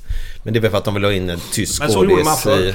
Eh, och eh, jag vet när vi, satt, när vi skulle dra igång första eh, TV-säsongen som var då den fjärde Johan Falk-filmen och sex filmer efter det G-Sid, när de började på G-Sid, så var vi i Tyskland eh, och ZDF som är då den näst största kanalen. Eh, och då satt vi med cheferna och de näst högsta cheferna. Och de näst högsta cheferna, kan vi inte ha lite scener i Tyskland? Kan vi inte få in ett tyskt ord? Och så, så här. Och så, till slut ska de gå ut och hämta kaffe. Då lutar sig den högsta chefen till oss och säger Så här är det. Det ska vara bra. Inget annat är viktigt. Och sen så kom de alla tillbaka och så pratade de om vi kan få in tyska chefer där och så gav han oss en blick som att behöver inte lyssna på det här. Det ska vara bra, det är det enda liksom.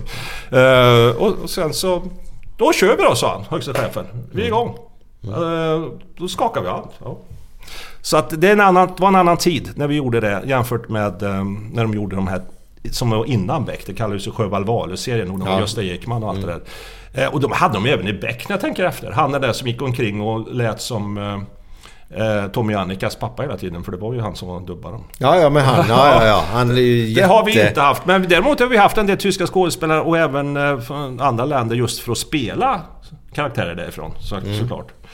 Ehm, men inte för att spela svenskar, nej. Nej, för han spelar ju svensk och lägger han på dubb då för att det ska bli Ja. publik från Tyskland också där.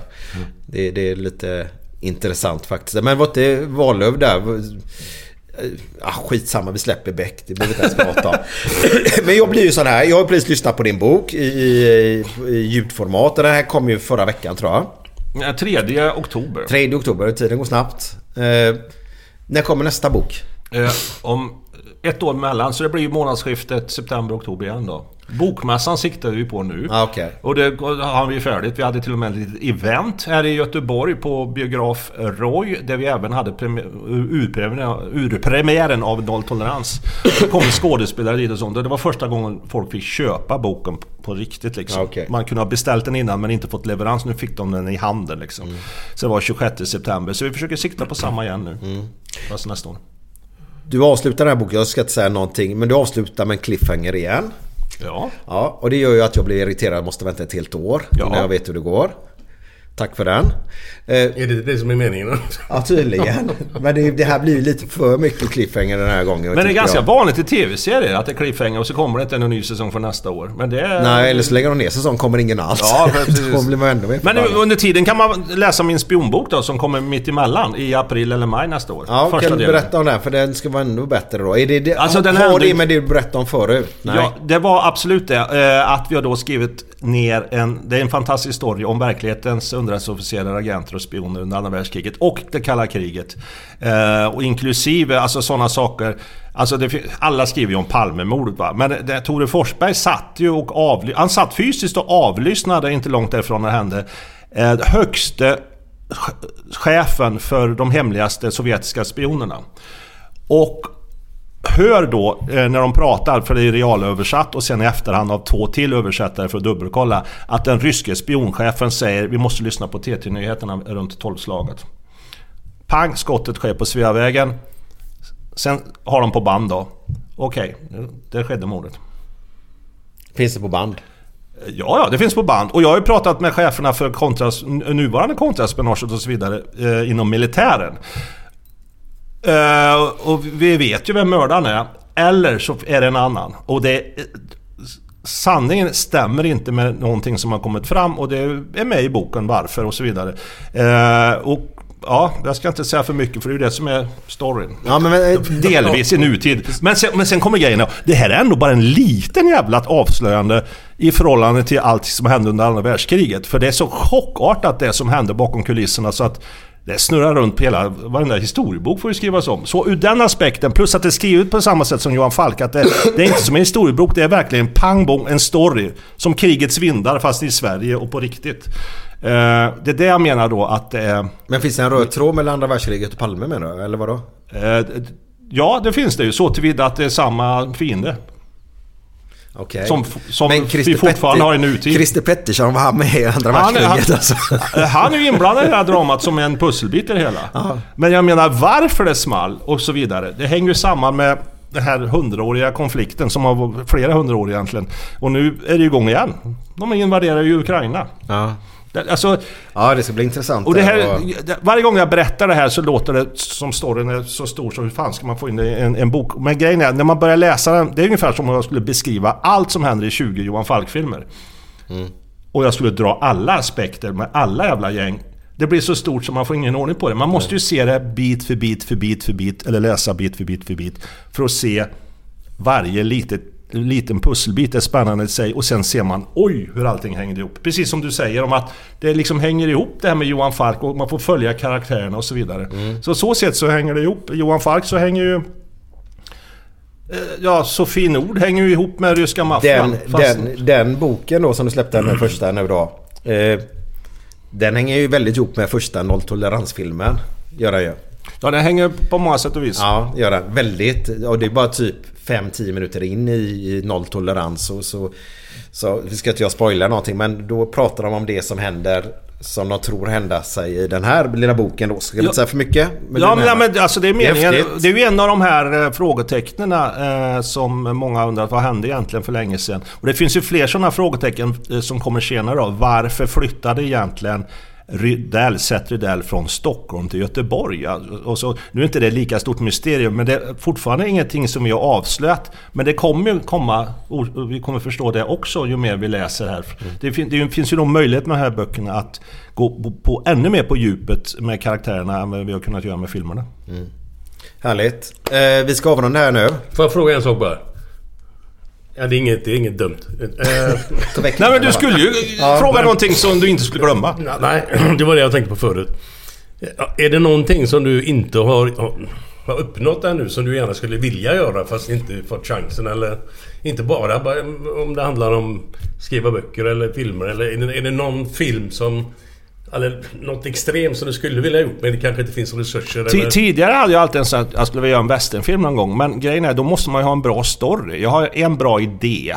Eh, Men det är liksom ingenting som driver mig. Eh, Idén kan jag... Nej, den ska jag inte ens berätta för det är någon annan som gör den. Men jag har en idé. Eh, Och, men det är inte det viktiga. Det viktiga var... Är det, nu har jag gjort så massor med Johan Falk och det är kul att någon gång komma ut med det här Spionernas krig. För det har tagit sån tid. Jag, sen december 1999 har jag ju jobbat med det här.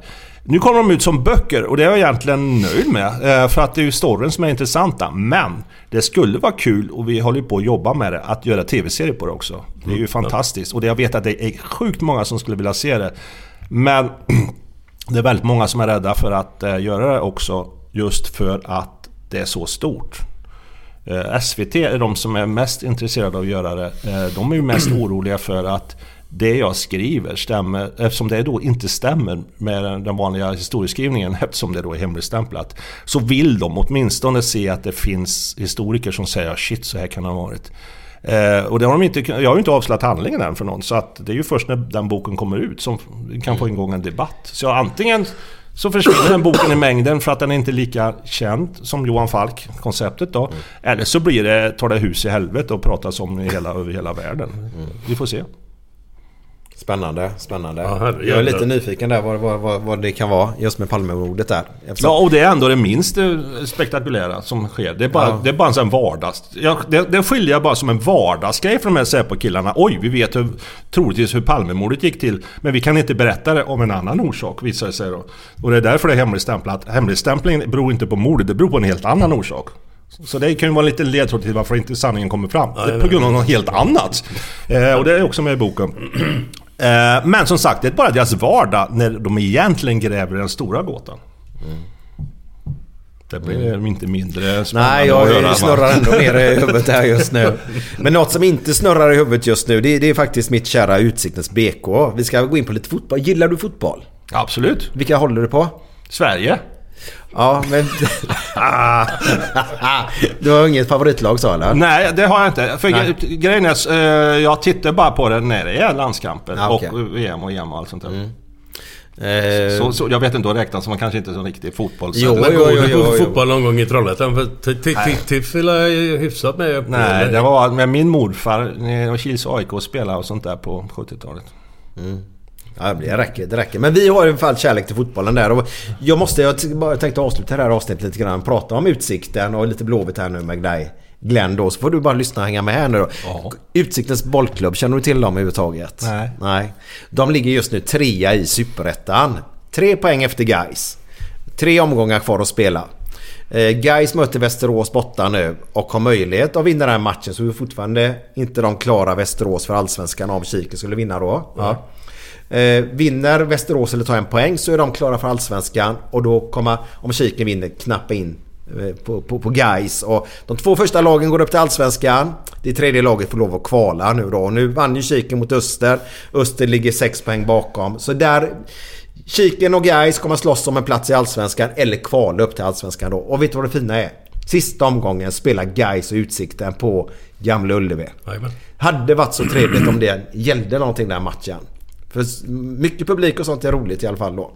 Eh, Så det kommer vi se fram emot. och du följer ju det stenhårt Glenn. Jajamän. Men vi pratade om i början här att Glenn åkte fast för fortkörning.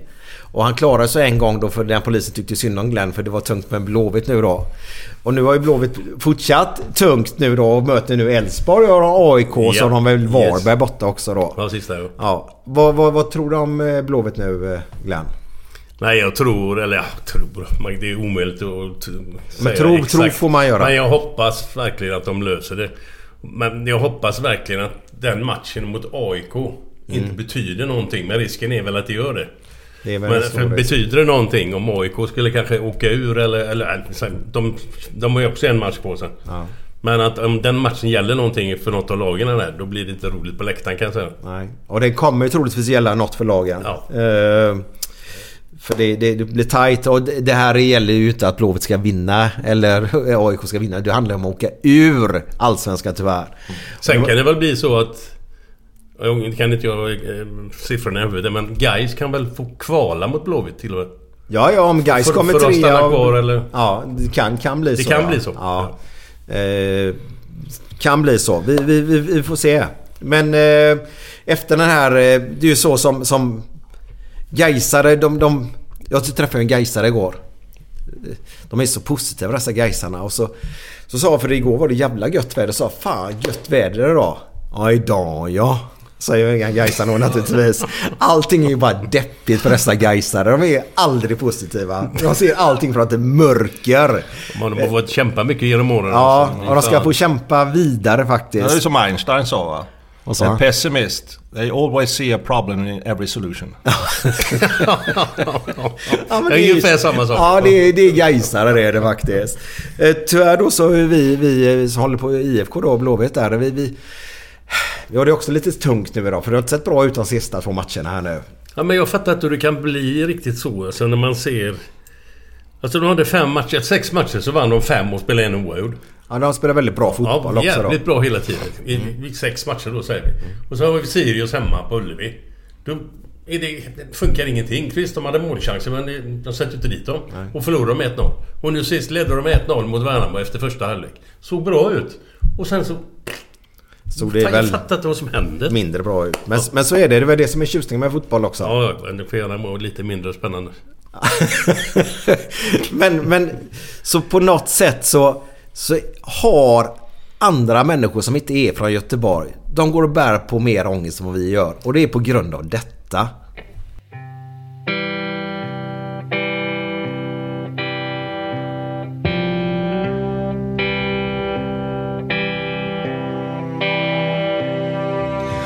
Fem på morgonen i New York City går en man i en sliten gammal hatt.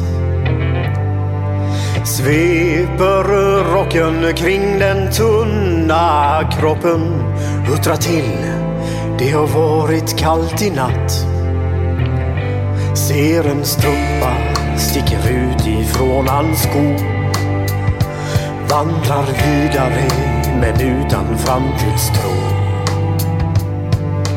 Fem på morgonen i Hallonbergen står en kvinna med gråten i sin hals. Tittar håglöst in i morgonsolen. Hon är trött, hon har inte sovit alls. Två av fem miljarder människor på vårt klot. Men mot deras ångest finns det ingen bot.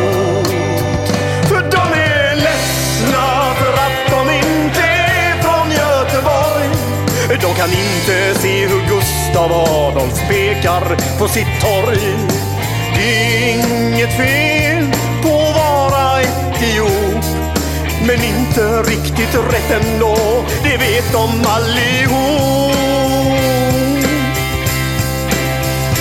Och de gråter så det krampar när de får en inre syn av hur vi som är från Götet tar en öl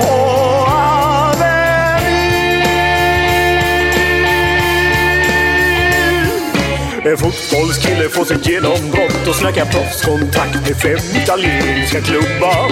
Ändå känner han att tåget har gått.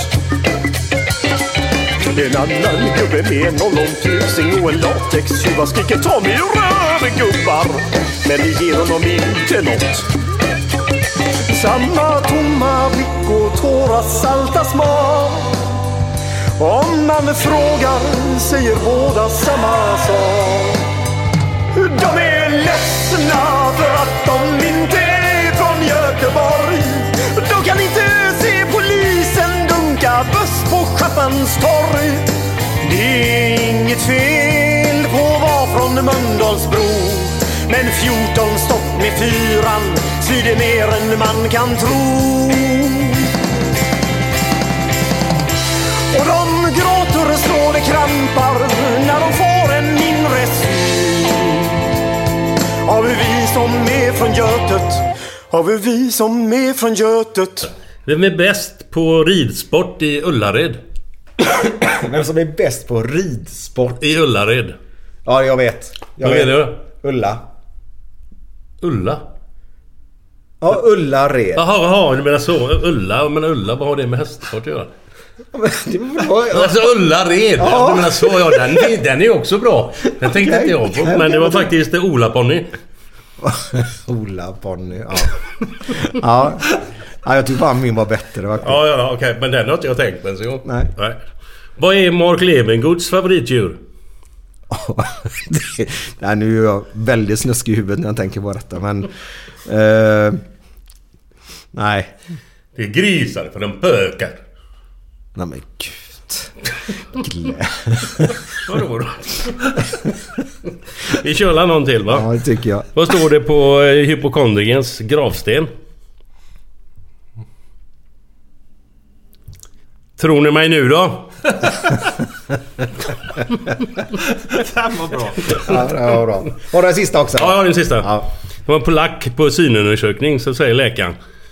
Kan du läsa den första raden där? På polacken. Eh, T R T R I I C K Z Men vad fan, den jäveln känner jag ju!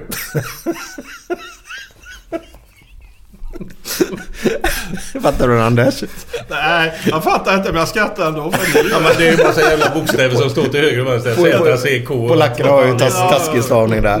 Eh, Stort tack Anders. Tack så mycket. Underbart. Och ni där ute nu, fan ha en härlig helg nu och så hörs vi om 14 dagar igen. Ha det gött! Ha det gött. Ha det gött.